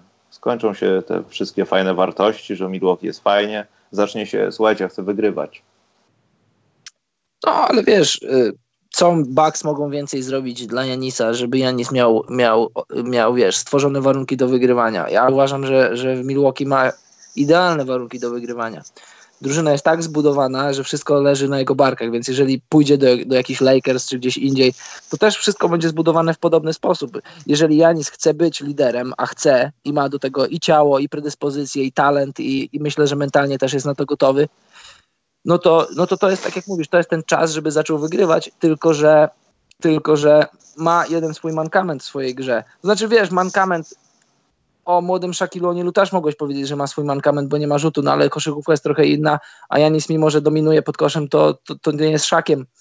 I jeżeli ktoś jest w stanie wyeksponować ten mankament Janisa, to, to ja myślę, że Boston jest to, tą drużyną, która może to zrobić i systemowo, i indywidualnie. Czy to zrobią, tego nie wiem, bo może wiesz, możemy wszystkie te X i Y na, na tej tablicy trenerskiej rozrysowywać sobie, Janis i tak weźmie piłkę i dwoma kozłami, czy jednym kozłem przejdzie pół boiska i zdobędzie, będzie zdobywał punkty. Naprawdę nie mogę się doczekać tej serii. Spodziewam się dużo dobrego basketu. Niech wygra lepszy. Ja stawiam, postawiłem tak może trochę ryzykansko, może trochę cwaniacko na Boston. Zobaczymy jak będzie. I no i co tu dużo ukrywać, no to, to będzie przede wszystkim seria pod tytułem Czy Antek ma dobrych kolegów? O tak, to na pewno. Bo tak też no, myślmy racjonalnie. No, Antek nie jest na tym etapie, na tym przeciwniku przeciągnąć sobie drużynę tak jak Durant robił, zrobił to z Clippers. Po prostu jej przenieść. Powiedzieć w meczu numer jeden podnoszę i w meczu numer 5-6 opuszczam. On chyba nie jest na to gotowy. Natomiast ktoś słusznie wspomniał na czacie, że Brook Lopez to może być postać, która właśnie będzie tym jego takim dobrym kolegą. I jednocześnie osobą, która dezorganizuje obronę Bostonu. Bo to, że on potrafi rzucać za trzy punkty i to robi, to wiemy i oni też wiedzą. Natomiast on wcale nie musi tego robić, jak skupi na sobie obrońcę. To prawda, tak. Oddaje piłkę, a jeśli pójdzie jakieś podwojonko, bo on się tam wda w jakieś manewry podkoszowe, no to, to, to jest krótka piłka i do widzenia. Wiadomo, kto tam ścina pod kosz krótką linią i, i nie ma dyskusji sama, żadnej sama obecność Lopeza daje, daje dużo różnych dodatkowych możliwości, których Bucks w zeszłym roku nie mieli. I jak będzie podwojonko, to. Podwojonko, ja, no. Ja mimo wszystko wolałbym. Y, z dwojga złego wolałbym podwoić atakującego Janisa niż y, kosztem zostawienia Lopeza otwartego, ale wiesz, od tego też możesz zginąć, więc fajnie będzie to zobaczyć. Chcę zobaczyć, jak Budenholzer rysuje te różne swoje rzeczy on dobrze to robi, robi to ciekawie. No ja jestem ciekaw, bo to wiesz, to będą koszykarskie szachy, bo obaj stają przeciwko sobie dwa systemy, dwóch świetnych trenerów. I to są playoffy, będzie mniej posiadań, będzie tempo wolniejsze. Zobaczymy, kto na kim siądzie, jakie to będą switche, jakie to będą rotacje, bo tu się tyle rzeczy może wydarzyć w tej serii, że, że chciałbym, żeby już się zaczęła. Absolutnie, zgadzam się. E, coś jeszcze chciałem powiedzieć na temat Bostonu. To też e, to jest chyba no-brainer, no ale wydaje mi się, że Milwaukee wprowadzi kilka razy w kilku meczach Boston w taki stan takiego dysonansu psychicznego. Co mamy zrobić, a już nie możemy nic zrobić. To widzieliśmy w zeszłym roku i wtedy się pokazują charaktery. Pokazuje się Tatum, pokazuje się Brown. Po tych wszystkich kłopotach, które mieli w sezonie regularnym, ja już nie mówię o strony psychicznej, szatniowej, tylko sportowej. Po prostu nie układało się, nie szło. To nie było to. E, jak bardzo właśnie, i dlatego mówiłem o sweepiku, jak bardzo to będzie dobrze wyglądało na Milwaukee. Bo to jest podstawowe, wiesz, Karol, zagadnienie, jeśli chodzi o szukanie plusów albo minusów w Bostonie, że te wszystkie puzzle muszą pasować do siebie. No, no tak. I to jest moim zdaniem taki największy, największy straszek, jaki ma Boston, żeby trzymać y, tą kompozycję, jak to mówią amerykańscy y, komentatorzy. Że to musi być dalej takie, jakie było. Natomiast nie spodziewajmy się ofensywności w tych seriach. Chyba tam nie będzie po 280 tysięcy punktów. To może być tak samo brudne jak sweeping z Indianą. Trochę mniej brudne, ale brudne zawsze. I to też może być fajne. Dobrze. Fajniejsze rzeczy, Karol, zaczynają się już dziś, teoretycznie jutro. Drugorundowe starcie Toronto-Filadelfia. Obie drużyny są jak, jak wojsko polskie na Westerplatte. Walczą o śmierć i życie, ponieważ ten, kto przegra, ma przekichany off-season. Tak. Współczuję Eltonowi Brandowi. Naprawdę współczuję. I Masajowi. Nie, ten, on sobie poradzi, jest bardziej, bardziej wiesz, jest otrzaskany na tym polu walki. Natomiast y, powiem ci, Karol, że. W końcu jest no, Masajem z Afryki. No tak, no, on wie, jak się bić w, w, w dziczy. Z różnymi zwierzętami. tak. Ciekawe, natomiast, czy zabił Ale natomiast, no, że zabił lwa? Czy myślisz, że Masai zabił lwa kiedyś swoim Wydaje mi się, że on jeśli ma taką samą akcję jak Ton Maker bądź Maker, to myślę, że na pewno, żeby zostać mężczyzną, musiał przynajmniej coś pogonić tam. Takie mają zwyczaje, nie wnikam, bardzo dobrze. Wydaje, że, też mi się wydaje, że jakieś tam zwierzę musiał zabić. Ale może... wydaje mi się, że on tą afrykańską stronę natury to widział głównie na pocztówkach u babci też, także też bym jakoś nie robił z niego wielkiego wojownika, Karol. Dobrze. Chociaż nie znam historii jego przybycia na ten kontynent, na którym jest. No wychował się w Afryce. Więc... Ale czy aż tak bardzo w Afryce, Afryce? Wiesz, tam też A. jest tak. cywilizacja, Karol, nie wiem czy wiesz, tam też są miasta w Afryce. Że nie takie mój piękne tata, jak w Polsce, ale... Mój tata, mój tata pracował kiedyś w Ugandzie i ma trochę inne zdanie niż ty. No to zaprosimy twojego tata kiedyś do podcastu. Opowie nam o Ugandzie i specyfice życia w Ugandzie. Natomiast, nie, ale, ale, ale no. bardzo, pozytywnie, bardzo pozytywnie wypowiadał się i o kraju, i o, o mieszkańcach. Tyle mogę powiedzieć. Mhm. Ale to było przed czy po? Przed czym? No wiesz, Rwanda. Aha, e, to nie, to było, to było y, albo cztery lata temu. Pracował przez parę miesięcy. A, czyli po. Po. Po. Dobrze, Toronto, Filadelfia, Karol, jak ty to widzisz? Bo tak, tak jak ja powiedziałem, obie drużyny mogą umrzeć. To jest walka ich o, o, to, co mają teraz. To jest walka ich, jakby, nie wiem, złodzieje przyszli do domu i walczą o swoje srebra. Toronto, jeśli się nie uda wygrać tej serii, Kawhi Leonard może. Mhm. Jeśli Filadelfii nie uda się w tej serii, no to pomijając to, że wszyscy będą się gryźli w języki, najlepsza pierwsza piątka w ogóle w NBA, hej ho i też chciałbym zagwizdać. Więc y, też może ta piątka tak nie wyglądać. Tam też jest kilka osób, które by z chęcią mogły na przykład zmienić klub, jeśli by stwierdziły, że to, nie, to, to jest nie to. Y, poza tym mnie jest też jeden bądź też dwóch zawodników, którzy walczą o takie wejście, no może jeden zawodnik, o wejście wyżej, może trochę jak Antek. I też na jego barkach będzie spoczywało gro odpowiedzialności, bo ten jego drugi kolega może być chory. Mówię tu o MBJ i Simonsie że Simons może mieć momenty, kiedy jest sam pozostawiony sobie w tej serii. A przeciwnik na to będzie czekał. Tak. I nie mam typu, ale bardziej mi się podoba to, co się dzieje z, z Pascalem Siakamem w, w Toronto. Na zdrowie. Dziękuję. Czyli chory. Nie, nie chory, po prostu. No, uczulenie, tak, na śnieg. Yy, siedmiu Toronto, Karol. Boli mnie ten typ ale wydaje mi się, że wyciągną 7 spotkań, Embiid będzie robił heroiczne rzeczy na jednym kolanie, będzie dzwonił do Blake'a Griffina, jak zrobić to stary, to wiązanie tutaj, żeby mógł jeszcze stać. Ja też stawiam na Raptors. Pytanie w ilu meczach? Wstępnie postawiłem w pięciu, może trochę za optymistycznie, znaczy optymistycznie patrząc od strony Raptors. Pięć albo sześć meczów dla Raptors. Oni mają dobry matchup, mają ludzi na Embida. Mamy, znaczy ja mam, och, może wszyscy mamy trochę wątpliwości, trochę znaków zapytania co do zdrowia Embida, a w połączeniu z tym, że mają Gasola i Bakę, dwóch gości, którzy mogą męczyć Embida. Może nie zatrzymać, nie, nie całkowicie zastopować, ale mocno go męczyć i skutecznie. Mają Kałaja, który, który jak będzie chciał, no to może usiąść i na, i na Simonsie, i na Butlerze, gdyby była taka potrzeba. Yy, wspomniałeś Siakama, kluczowa postać moim zdaniem, może być X-faktorem tej serii. Też może bronić w zależności od potrzeb, czy, czy Simonsa, czy Butlera, bo też switchować mogą bardzo dużo Raptors. Raptors mogą zagrać wysoko, mogą zagrać nisko z, z Ibaką albo właśnie z, z Jakamem na środku. Dużo może się dziać ciekawych rzeczy. Raptors są lepsi w obronie niż, niż był Brooklyn, a już sam Brooklyn trochę napsuł krwi, napsuł trochę krwi 76ers, a, a to był Brooklyn, który nie ocieka talentem i, i indywidualnie nie jest aż tak dobry jak, jak no to jest różnica między Raptors a Nets. To jeżeli Nets trochę napsuli 76ers, to ja myślę, że tutaj Raptors to, to jest ta poprzeczka o, o, o kilka poziomów wyżej. Dla mnie to są Raptors. Ja dałem w pięciu, może być sześciu. No niech będzie nawet i w siedmiu, jak mówisz, w siedmiu. Ile by nie było. No zdziwiłbym się, gdyby, gdyby Philadelphia to przeszło.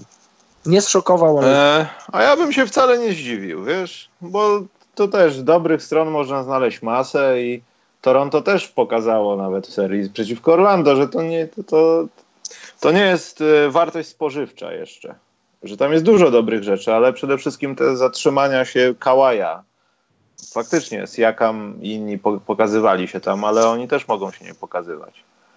Czy ta drużyna będzie miała takie loły przeciwko Filadelfii? Tak się zastanawiam, czy Filadelfia jest w stanie swoim składem zmusić ich do tego, no bo pierwsza piątka może ich do tego zmusić, a co będzie dalej?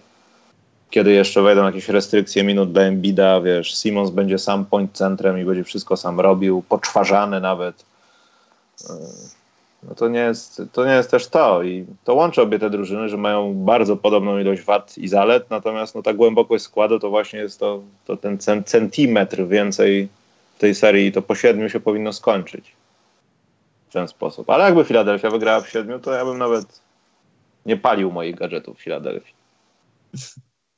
Nie, ja też nie będę niczego. Ja też niczego Szkoda. nie Szkoda, liczyłem, że Orlando zagra lepiej i będziemy mogli coś wideo w końcu Karol opublikować w wiadrze palą się wszystkie twoje gadżety z Toronto.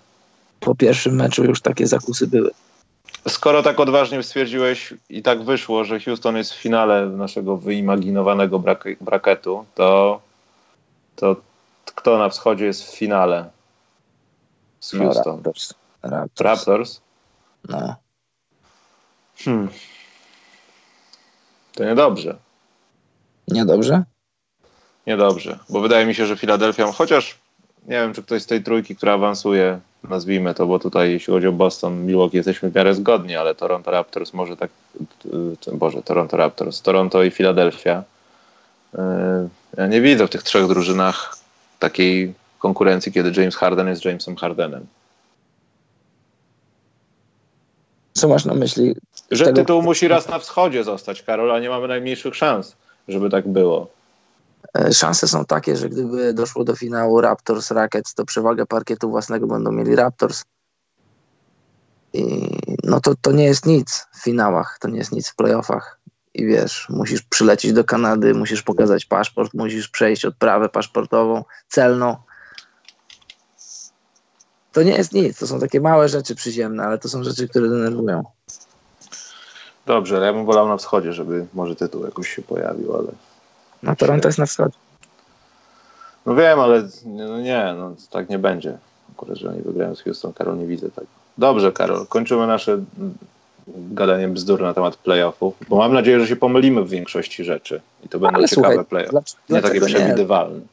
Dlaczego nie? Ja nie mam nigdy żadnej napinki, jak czasem wrzucam na swoim fanpage'u jakieś tam typy, a ludzie mi wrzucają śmiejącego się Jordana, że tak nie będzie. Fajnie, niech nie będzie. Nie mam żadnej napinki na temat swoich typów, nie mam żadnych faworytów swoich, nie, mam, nie kibicuję żadnej drużynie, kibicuję dobrej koszykówce, niech się dzieje, co ma się dziać. Jak nie będziemy trafiać swoich typów, znaczy, że playoffy są fajne, nieprzewidywalne i tyle na temat typów. A teraz startujemy, Karol, z pytankami. Ja mam jedno takie pytanko do ciebie, nie wiem, czy słyszałeś. Znaczy, na pewno słyszałeś że wczoraj czy przedwczoraj gdzieś tam się pojawiła informacja, że Kevin Durant dostaje tylko papier od Nowego Jorku i składa podpis. No, ja to akurat mnie nie zdziwi. Ja już to mówię od ponad roku, że taki rysuje scenariusz dla KD. Znaczy nie wiem, czy to musi być konkretnie Nowy Jork, ale też myślę, że to będzie Nowy Jork i e, KD nie ma interesu grania poza tym sezonem w Warriors. To znaczy, no, sportowy interes może by miał, ale jeśli chodzi o swoje legacy, a to jest coś, myślę, o czym on powinien myśleć. I też myślę, że on o tym myśli. No myślę, że myśli, to może takie, no wiesz, myślę, że myśli. No ale tak myślę, że tak jest. Patrząc na te różne rzeczy, które robi KD na Myślisz? Myślę, że myślę, że on myśli, patrząc na rzeczy, które robi na social mediach, na rzeczy, o których mówi w podcastach u Billa Simonsa i całe spektrum różnych rzeczy, które się wydarzyły od czasu, kiedy odszedł z Oklahomy, to, to gdzieś tam czuję, myślę, że, go to, że on to czuje, że go to boli i on wie, że ten tytuł trzeci, czwarty, piąty z Warriors w perspektywie jego miejsca w historii koszykówki, a on już ma swoje miejsce w historii koszykówki. Już, już powiedzieliśmy to obaj, jest, jest, jest niesamowitym strzelcem. Tacy, tacy strzelcy nie zdarzają się często. Na palcach może dwóch rąk możesz wymienić ludzi, ludzi, którzy tak punktowali jak KD. I dla swojego legacy, dla swojej kariery, ja myślę, że on powinien odejść i powinien zdobyć mistrzostwo, albo przynajmniej spróbować zdobyć mistrzostwo z drużyną, która jest na ten moment słaba i on tą drużynę wywinduje. No bo jak gra się z Warriors, jak gra się z, z potencjalnymi innymi dwoma Hall of Famerami, chociaż myślę, że to, to kwestia, czy, czy, Kay, czy Kary i Thompson są Hall of Famerami, to myślę, że to już jest przesądzone. To widzieliśmy, widzimy od, od dwóch, trzech lat, jak, jak się gra. A teraz chciałbym zobaczyć, jak jest trochę trudniej, jak nie ma tak utalentowanych kolegów w swojej drużynie, jak nie ma tak dobrego trenera, jak nie ma tak dobrego systemu. Chcę zobaczyć właśnie, że KD wchodzi do, takiego, do takich patologicznych mixów i wprowadza ich do, do playoffów, do finałów, do mistrzostwa. To by była historia. No to Dlatego by była historia jeszcze jakby ten pik sobie wylosowali o. pierwszy, wiesz. To o, była tak. historia. Myślę, że Dlatego, to by pomogło. Dlatego myślę, że KD odejdzie po, po sezonie. E, a, o tym nie mówiliśmy, Karol, że książka Ray Allena miała swoją premierę. Tak. E, niestety chyba Ray Allen nie byłby zadowolony, ponieważ... Z polskiego wydania. Z polskiego wydania. Znaczy nie, z książką, ku mojemu zadowoleniu, książka jest naprawdę ciekawa. Tak Spodziewałem jest, się, że to będzie kolejne lanie wody, ale naprawdę jest ciekawa. Natomiast no, wydarzył się mały chochlik drukarski, że kolejne strony została pom... Tak, i on z tego powodu. Chociaż patrząc na to, jak Ray Allen rzucał podczas weekendu gwiazd, to chyba by nie zwrócił uwagi. Natomiast jest przesunięcie dosłownie jednej strony na przestrzeni dwóch stron. Oczywiście jest errata i tak dalej i może w drugim wydaniu to poprawią, natomiast no, jest, jest takie coś. Ale jakoś specjalnie przeszkadza w czytaniu. Nie, jasne, właśnie co do samej książki, nie, to sobie żartuję, właśnie o to mi chodzi, że tam chyba przesunięcie jest 13 strona z 15, to jest taki mały Coś takiego, no. No ale co do samej książki, to masz rację, tak, no wiesz, książka nie mogła nie być ciekawa, no bo Ray, Ray Allen postać bardzo interesująca, żeby nie powiedzieć tajemnicza i no super się to czyta. Wklejam na trzecie link jak coś. Na, na naszym fanpage'u też macie taki link, jak gdyby uproszczony z nazwą podcastu. W zasadzie to jest chyba tylko dla e, potrzeb statystycznych, także to żaden replink ale jak coś tam znajdziecie i dostałem informację, że w listopadzie następna koszykarska książka. Wydaje mi się, że nie mogę mówić, co to jest, jeśli chodzi o SQN, bo w wakacje jeszcze będzie prawdopodobnie od innego wydawnictwa książka. Natomiast ta książka, o której mówię, to jest też o czarnym facecie, który grał w kosza i rzucał dużo punktów. Ale więcej nie mogę chyba powiedzieć. A chyba możesz. Wydaje mi się, że to już było powiedziane. Tak? Tak mi się Kto to powiedział? No ja i ty. Nie, chyba nie mówiliśmy o tym właśnie. Bo ja niedawno się dowiedziałem. Nie, ale to dawna. To powiedz, to ja ci powiem, czy chodzi o to. Mama mentality, Kobe Bryant. Kurde, czyli to aż tak, tak, to prawda, no. No. Także jeśli ktoś czeka na Kobiego, to musi poczekać to do listopada. Doczeka. To się doczeka. Ja się nie mogę doczekać. Yy, pytanka, Karol, czy są jakieś ciekawe? Tak, są. Jest, jest pytanko od Bartka, to może nieciekawe też, ale zada, niech, zada, niech zada. Czy Rockets nie popełnili błędu, nie decydując się na zatrzymanie Wasilasa Spanulisa przed laty, patrząc na jego późniejsze dokonania w reprezentacji w Europie? Eee, czy ja wiem? Ja nie wiem, czy to jakiś byłby wielki impact, impact dla w NBA, jego postać. W sensie to, to nawet dla samej jego kariery, myślę. Tak, to jest jedna sprawa. Druga sprawa jest taka, wybierasz sobie ludzi w drafcie, bukujesz sobie ich na, na parę lat, a później się ich praw pozbywasz, albo po prostu no, nie draftujesz tych ludzi, nie sprowadzasz ich do siebie. Rakes też wybrali Luisa Escole. Yy, w, no znaczy nie, źle powiedziałem. No, Luis Escola grał w San Antonio, yy, znaczy mylę, grał w Houston, ale y, mieli prawa do niego też, wydaje mi się, San Antonio, albo mieli, mieli go na swoim radarze San Antonio. Myślę, że, że ludzie, ludzie tak nie rozpamiętują takich rzeczy, bo też nie wiemy, czy Spaniulis grałby dobrze w NBA, czy by się sprawdził w NBA, czy to by nie był kazus na przykład Navarro. Navarro przyjechał na sezon w NBA, żeby to, przede wszystkim samemu sobie udowodnić, że jest w stanie grać w NBA. Okazało się, że tak, że jest w stanie, ale no jest po prostu zawodnikiem dobrym, ale nie rewelacyjnym, nie jest gwiazdą i po roku wrócił. Nie wiadomo, czy Spaniulis w ogóle by się, by się odnalazł w NBA, no bo atutem Navarro było to, że jest fantastycznym strzelcem, a, a Spaniulis to jest taka kombinacja przede wszystkim IQ, ale to jest coś takiego jak Teodosic. Nie wiadomo, czy Spaniulis fizycznie dałby radę w NBA, więc ja myślę, że, że Rackets nawet nie myślą o czymś takim. Tak, tutaj to, to też są takie rzeczy, o których Karol mówi szczegółowych, jak mówiliśmy o seriach, że tam logistyka i tak dalej ale tu intensywność gry przede wszystkim jest tak. taka, że no myślę, że chociaż też niby z Donsicem miało być to samo, no ale, no ale to się nie działo. Zobaczymy, jak będzie dalej, ale to chyba, to chyba nie, wydaje mi się, że nie. Właśnie o Donsiczu myślałem też, ale z drugiej strony to Sabonis, to tak, wcześniej przyszedł. To by się to... działo. No. Hakim by się od niego uczył pewnych rzeczy. Dobrze. Czy w OKC jest szansa na wytradowanie Adamsa i innych nierzucających graczy na kogoś pokroju Lopez, Horford?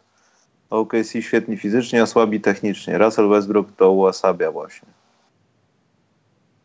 Znaczy, jeśli chodzi o tradowanie Adamsa, to ja bym tak za specjalnie nie wyskakiwał przed szereg z takim pomysłem, no. bo to jest osoba, która jest im bardzo potrzebna już nawet pomijam rzeczy w ofensywie, świetnie roluje i potrafi się zachować i, i też nie jest taki inwazyjny, że ten rol jest zawsze taki, że trzeba do niego odegrać. On jest na to gotowy, ale wie o tym, że Westbrook też by punkty zdobył, czy jakiś Paul George, czy ktoś inny. No. A kolejna rzecz to defensywa. No to jest, to jest klasyczny Nowozelandczyk, który jak jest głodny, łapie wieloryba pod pachę i go pałaszuje na, na plaży. No, a druga rzecz jest taka, że na, za najbliższe dwa lata zarobi 53 miliony dolarów. To też to, to nie jest jakiś super atrakcyjny kontrakt. E, wiadomo, no, w NBA każdy, każdy, nie ma kontraktu, którego nie dałoby się gdzieś ruszyć, no ale nie widzę, nie widzę kolejki, która się ustawia za Adamsem. Może znaczy, kolejki. Wiele, no wiesz, na pewno wiele drużyn chciałoby go mieć, ale nie na takich pieniądzach i na pewno nie za, nie za wszelką cenę. Nie, no to też racja. Ale z drugiej strony, gdyby oddali Adamsa i też część w, w zasadzie swojej wąskiej rotacji, to musieliby pozyskiwać zawodników, którzy przynajmniej są plusowi wobec tych, którzy odeszli. A myślę, że to nie byłoby takie proste. Tak. To mógłby być bardziej kłopot niż, niż pomoc. Ale moim zdaniem nie, to jest nieuniknione, że do czegoś musi dojść bo nie wyobrażam sobie zmian jakichkolwiek u wiadomo, u kimś, komu poświęciliśmy 20 minut tej rozmowy. No pewnie Billy Donovan przypłaci to pracą i, i na tym się skończy. A co do składu pewnie zajdą jakieś kosmetyczne zmiany i no i tyle chyba. Mateusz Dobosz, Michał, w ilu meczach Legia przegra w pierwszej rundzie? W ogóle to jest arcyśmieszne, bo ja, Karol, to chyba no. będzie siódmego, będę na playoffach. Legii Warszawa chyba pierwszy raz w życiu będę na playoffach PLK, także ja u siebie jestem, sobie obejrzę. No I jeśli chodzi o podcast o PLK, to tak, wydaje mi się, że na początku, jeszcze przed majówką, uda mi się z Karolem Waśkiem nagrać podsumowanie sezonu i coś o playoffach. No ale to zależy od tego, jak Karol będzie mógł, no bo dziś, jutro to jest w zasadzie ostatnia kolejka, czy jutro? Już nie pamiętam, czy dzisiaj miała miejsce? Chyba 27, to chyba dzisiaj. I, I też będziemy musieli, bo zaczęliśmy sezon, to musimy z Karolem go zamknąć. Mam nadzieję, że nie będzie tak zdenerwowany jak ostatnio, nie będzie walił ręką w biurko, przejmując się losem pewnych zawodników.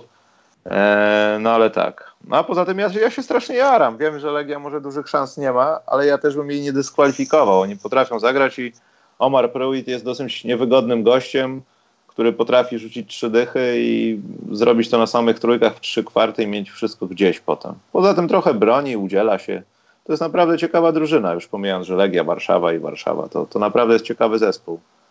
I ciekawie się to ogląda. Playoffy, no to, to też jest szansa dla sportu w Warszawie, no, że jeśli będzie jakiś dobry wynik, może, nie wiem, jakieś y, końcówki, cała seria skończona minus trzy powiedzmy, czy cztery, punktach, to, to może coś da, do, da basketowi w Warszawie. Może wybudują jakiś obiekt, albo ktoś się zgodzi, żeby tam grać, gdzie jest większy obiekt. To też jest szansa dla miasta. To jest ciekawe. Ale ja obejrzę sobie. Mam nadzieję, że nie przyjadą z 0-2, czy z 2-0 w sensie. Yy, bo twój Karol Lubliniak. A, nie wiem.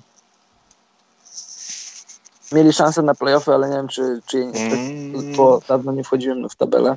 Pytam, bo wiem, stracili ją. Stracili, no szkoda. Tak. Znaczy ja nie żałuję, bardzo dobrze. A, pocałuj się. bardzo dobrze. Bardzo dobrze, bo Legioni by zabrali miejsc. Nie, chyba nie widziałem. Cho, może chociaż może Lubin widziałem w tym sezonie, nie pamiętam. Pytanie jest, czy w Lakers jest szansa na niezależnego, niezależnego od Lebrona trenera? Nie. W, życiu nie. Ale Karol, te ploteczki o Jasonie Kidzie, to ja, nie wydaje mi się, żeby to był taki zły pomysł. A, a dlaczego byłby dobry? No, bo Jason Kidd jest dobry, wydaje mi się. Jest lepszy od Tyrona Lu, to na pewno. A wiesz, no, możesz też zrobić case, że Mike Budenholzer pokazał, jak dobry jest Kit. Kit do pewnego stopnia był dobry i to trzeba mu oddać, że pierwsze lata rozwoju Janisa być może nie odbywałyby się tak prężnie i tak dynamicznie jak pod okiem Kida, byłego rozgrywającego, który wiele nauczył Janisa i to, to jest niezaprzeczalne. Tylko wydaje mi się, że też później trochę Kid stał się ofiarą swoich takich, no, może nie jakichś super wielkich, ale trochę sukcesów, bo miał taki sezon, gdzie Brooklyn Nets wyciągnął z kryzysu w początku sezonu i zrobił z nimi playoffy. Taki fantastyczna końcówka sezonu. Na początku w Milwaukee też im się dobrze grało, ale później tak trochę skostniał ten jego system, nie, nie reagował na to, co się dzieje co się dzieje z koszykówką, co się dzieje z drużyną, co się dzieje z Janisem i trochę, trochę w ciemno działał. Nie wiem, czy, czy Kit byłby dobrym. Gdyby to był rok 2009, a nie 2019, jakby to przychodził Kit jako już taki podstarzały, ale bardzo doświadczony rozgrywający, o którym LeBron zawsze marzył, bo pamiętasz, jak grali razem w reprezentacji, to LeBron zawsze miał mokre sny na temat grania z Jasonem Kiddem, bo, no bo Jason Kidd jak grał, to każdy pamięta, może nie każdy pamięta, ale każdy może sobie przypomnieć.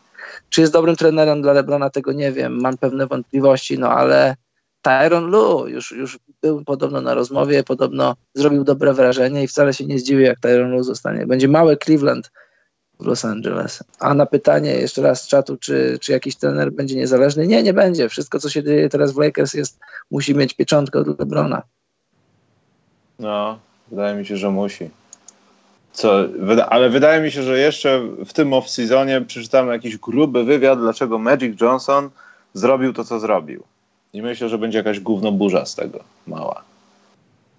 A ja myślę, że nie. Ja myślę, że już jest spokojnie, że to było tak właśnie. Też mówiliśmy o tym. Magic zrozumiał, że to nie jest praca dla niego, że dla niego praca to jest taka, żeby przyjść, uśmiechnąć się, napisać na Twitterze jakiś banał i mieć taką rolę niezobowiązującą, bez żadnej odpowiedzialności, jakiegoś tak cudzysłów konsultanta czy doradcy, możesz sobie gdzieś tam przyjść, otworzyć komuś szampana, zrobić sobie z kimś zdjęcie i taka jest twoja rola. Jesteś byłym Lakersem, reprezentujesz Lakers, no bo powiedzmy szczerze, Magic jako twarz Lakers to, to jest w dalszym ciągu coś, ale Magic jako GM Lakers, no to już nie jest coś. Magic to zrozumiał, Lakers to zrozumieli. Chyba to dobrze dla klubu i dla samego Magica. I, i tyle. Magic jest gdzieś tam, kręci się wokół klubu, już nawet sam gdzieś tu nawet mówił, czy, czy mówiło się, że że już coś tam działa dla Lakers. Nie? Niech sobie działa, niech sobie działa. Karol, jest insidowa informacja, że start w playoffach. Kto to powiedział? Bartek Misztal. Coś ma się wykluć w off-season. Nie będę tego komentował. Ale to co roku ma się coś wykluwać. Y, Właśnie, Karol, skoro jesteśmy w temacie polskiej koszykówki, a ludzie nie garną się do rozsądnych pytań nie dotyczących naszej bielizny, że tak powiem. Słyszałeś ciąg dalszy mojej ukochanej awantury ostatnio z Marcinem Gebelem i ze Stalą Ostrów? Znam tylko strzępy, szkielet y, tego newsa, ale no... Ośmiu... Znaczy którego, bo były dwa, nie? I ogólnie no, że... rzecz biorąc, to Gdyby że, no, że poszło, stało, no. poszło, pismo, poszło pismo, pod którym podpisali się polscy dziennikarze, że to jest kpina, żeby Marcin był blokowany z Ostrowa. Tak, no to jest to be continued jest. Aha, no to powiedz mi, bo chyba bo nie. klub, ja też nie chcę tego przytaczać, dokładnie szukać obrazków, nie chce mi się tego, ale w tak najoględniej to y, w ogóle klub się do tego nie przyznaje. Klub nic takiego w ogóle nikomu nic nie zabronił, a w ogóle to Marcin odzywał się i komentował sprawy związane z klubem w nie taki sposób. No. I akredytacja nie została mu przyznana, ponieważ medium, z którego się akredytował, y, no nie dostało, czy miało limit. To taka chyba lokalna ich jakaś telewizja w Ostrowie. Nie chcę kłamać, bo nie wiem. Ale wiesz, to wygląda strasznie słabo. Ja rozumiem, na kadrę nie dostać, bo nie ma wejściówek czy coś, ale gadać takie głupoty jednocześnie mówiąc wcześniej, że takie rzeczy nie miały miejsca, bo klub na Twitterze napisał, że to nieprawda, a potem w piśmie napisał dokładnie przeciwne rzeczy. Więc mam z tym trochę problem, że gdyby to się działo w mediach takich, powiedzmy, wiesz, publicystycznych gdzieś, no, w jakimś programie czy coś, to od razu byłoby wolne media, dziennikarz, ograniczona, wiesz, tak. wolność prasy. A tutaj, a bo dziennikarza X, już pomijając, czy jest moim kolegą, czy go znam, czy nie, to, to, to jest uwłaczające no, z takim podwójnym standardem trochę, wiejące nawet. No bo co, on nie może tak, mieć złego tak. zdania? Ja rozumiem, no. gdyby wyzywał wszystkich. Masz rację, ja jestem za, za, za tym, co Poczekaj, Karol, bo jeszcze trzecia rzecz jest, że klub, Aha. Bo tam podczas Pucharu Polski była taka sytuacja, że określona grupa kibiców no, pewnymi lekkimi bądź lekkimi, ale mimo wszystko rzucała przedmiotami w Marcina, który się tam gdzieś schował. I w tym komentarzu ze strony klubu jest napisane, że, że, to, że to jakby trochę jego wina jest. Nie, no to jest kpina.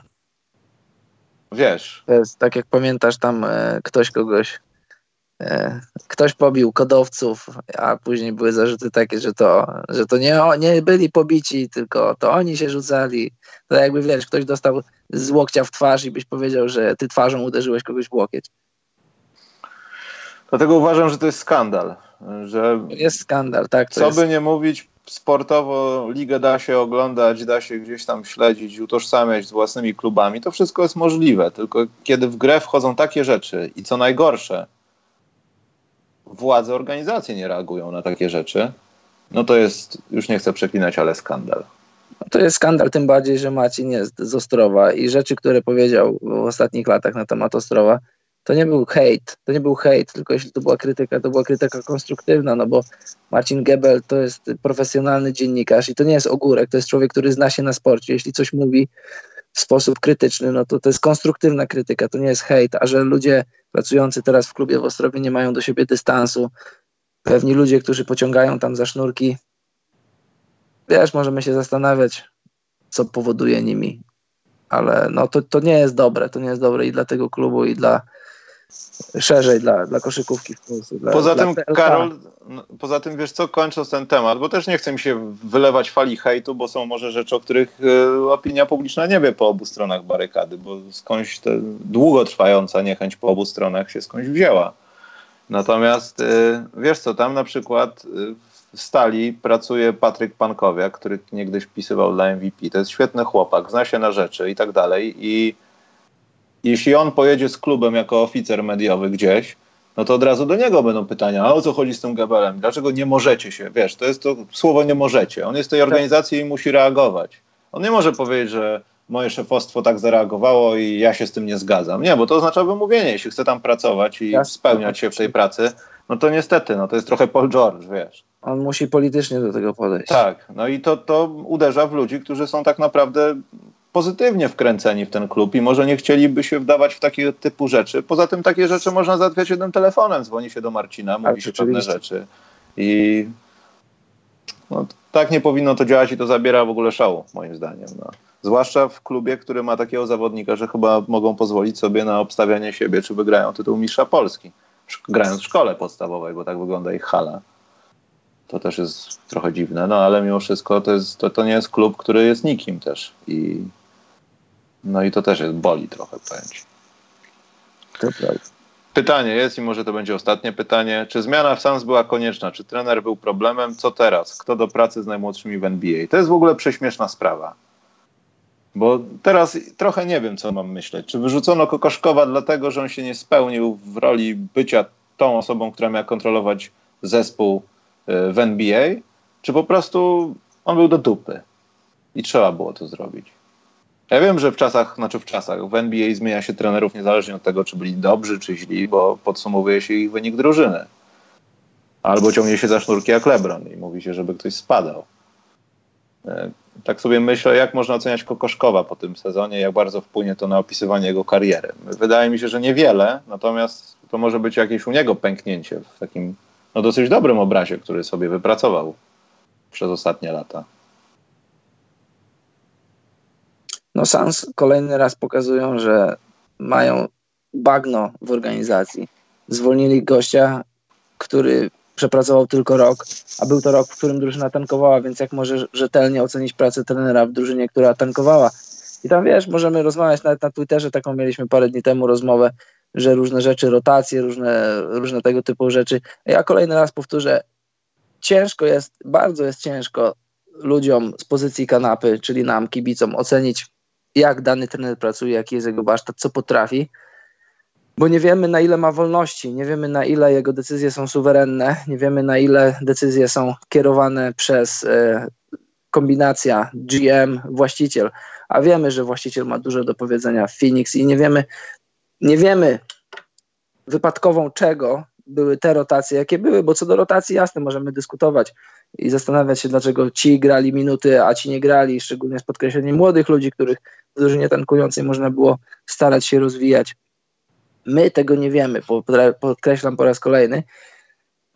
I jest dużo rzeczy, bo powiedziałem o trenerze, znaczy powiedziałem o GM i właścicielu, ale też jest gra agentów, gra kontraktów. Niektórzy ludzie mają po prostu ordynarnie, wprost zapisane, że mają grać tyle i tyle minut.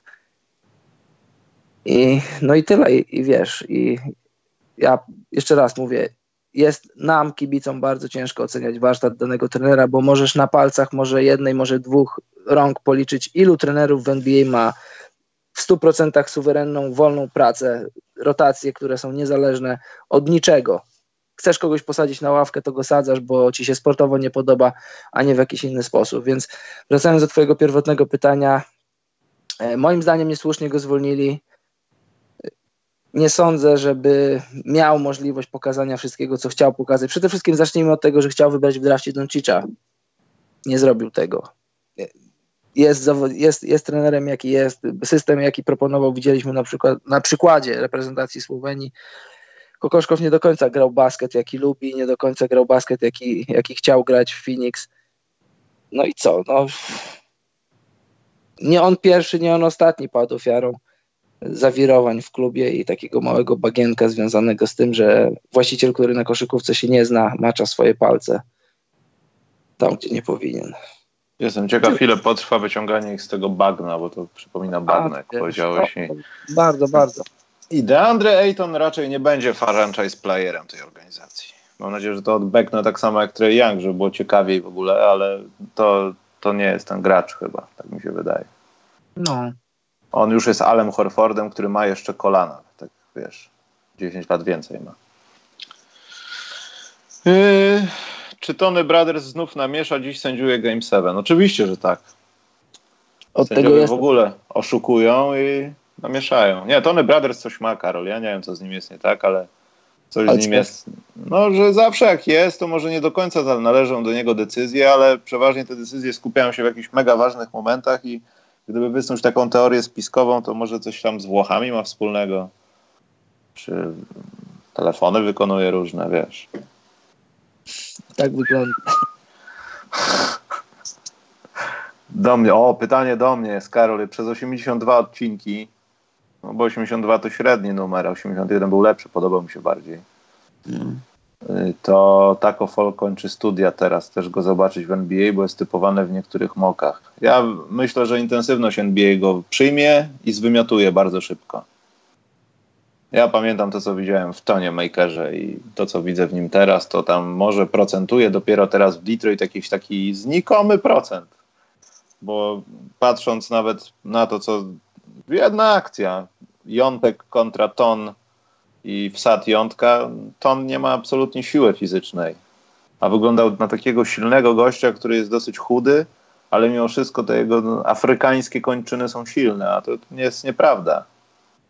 i musi przejść kurację podobną do Antka chyba, tak mi się wydaje. A jeśli chodzi o Takofola, to problem jest chyba z jego nadmiernym, bądź co bądź wzrostem. Ja nie wiem, czy on by sobie poradził w NBA, żeby rozegrał 10 sezonów. Wydaje mi się, że to jest taki no, bardzo kontuzjogenny objaw, że masz tyle wzrostu, twoje plecy, Yao Ming, no dziękuję, jeszcze stopy. Nie, nie widziałbym tego za długo. Dlaczego nie lubicie Detroit Pistons nieładnie kopać w leżących? Ja wcale nie, nie, nie wiem, Sunset Shimmer jakiś napisał. Ja nigdy nic takiego nie powiedziałem. Nic nie ja też nie. Pistons. Detroit po prostu do dupy mieli ze zdrowiem i Ton Maker. Ja się cieszę, że on w Detroit gra lepiej niż Milwaukee. To jestem zadowolony bardzo.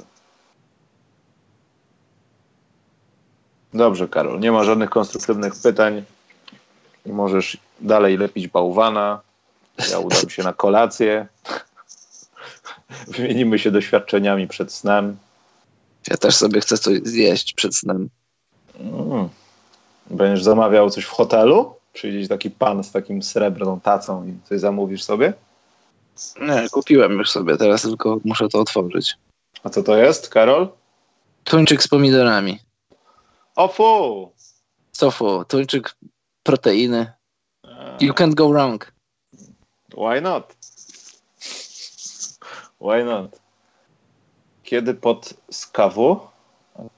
A, Karol z Karolem? A, mam nadzieję, że w przyszłym tygodniu, bo jutro mam nadzieję dorwać się do Karola i się z nim konkretnie umówić, a jak będzie, to zobaczymy. No ale Dobrze. chciałbym, żeby playoffy się nie rozpoczęły, a żeby to się skończyło. No i żeby ten Dobrze, podcast też się skończył. Dobrze, że nie stępu.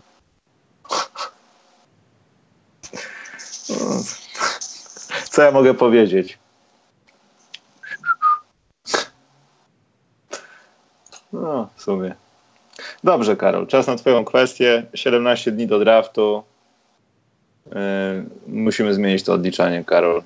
Więc jeśli macie jakieś konstruktywne pomysły, piszcie w komentarzach na jakąś bliższą datę, co ciekawego jest. No i czego by się Tisot nie wstydził. Może do pierwszego dnia lata. Ludzie tak pragną ciepła, tak pragną lata.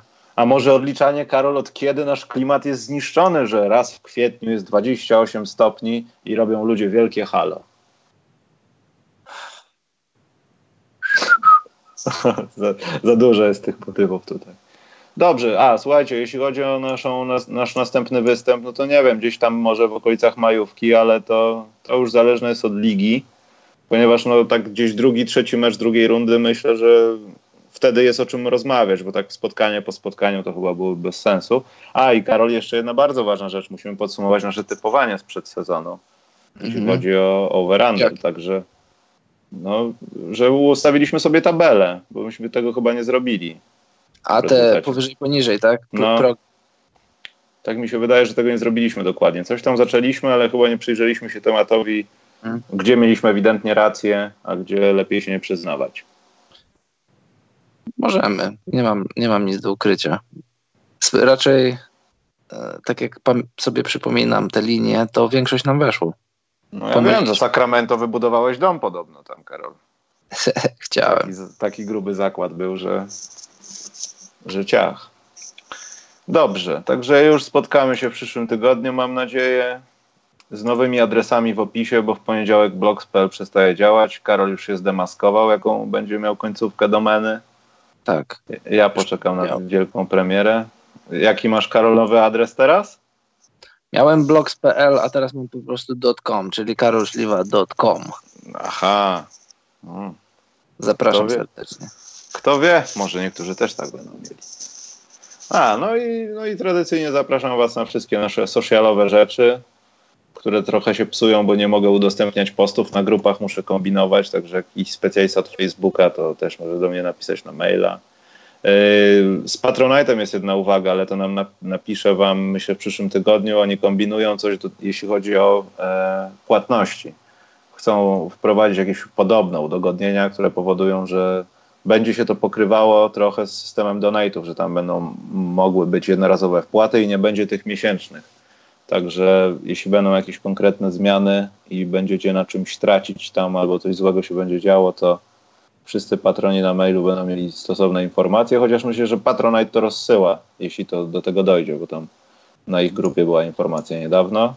No i y, sprawdzajcie naszego Instagrama, bo tam może będą bałwany, które Karol robi, albo śnieg. Bo teraz Karol z Buzer był w Zatoce Perskiej. To czas na ochłodzenie klimatu. Tak. Z bałwanami to mam czasem do czynienia, nie robię ich. No to ja też.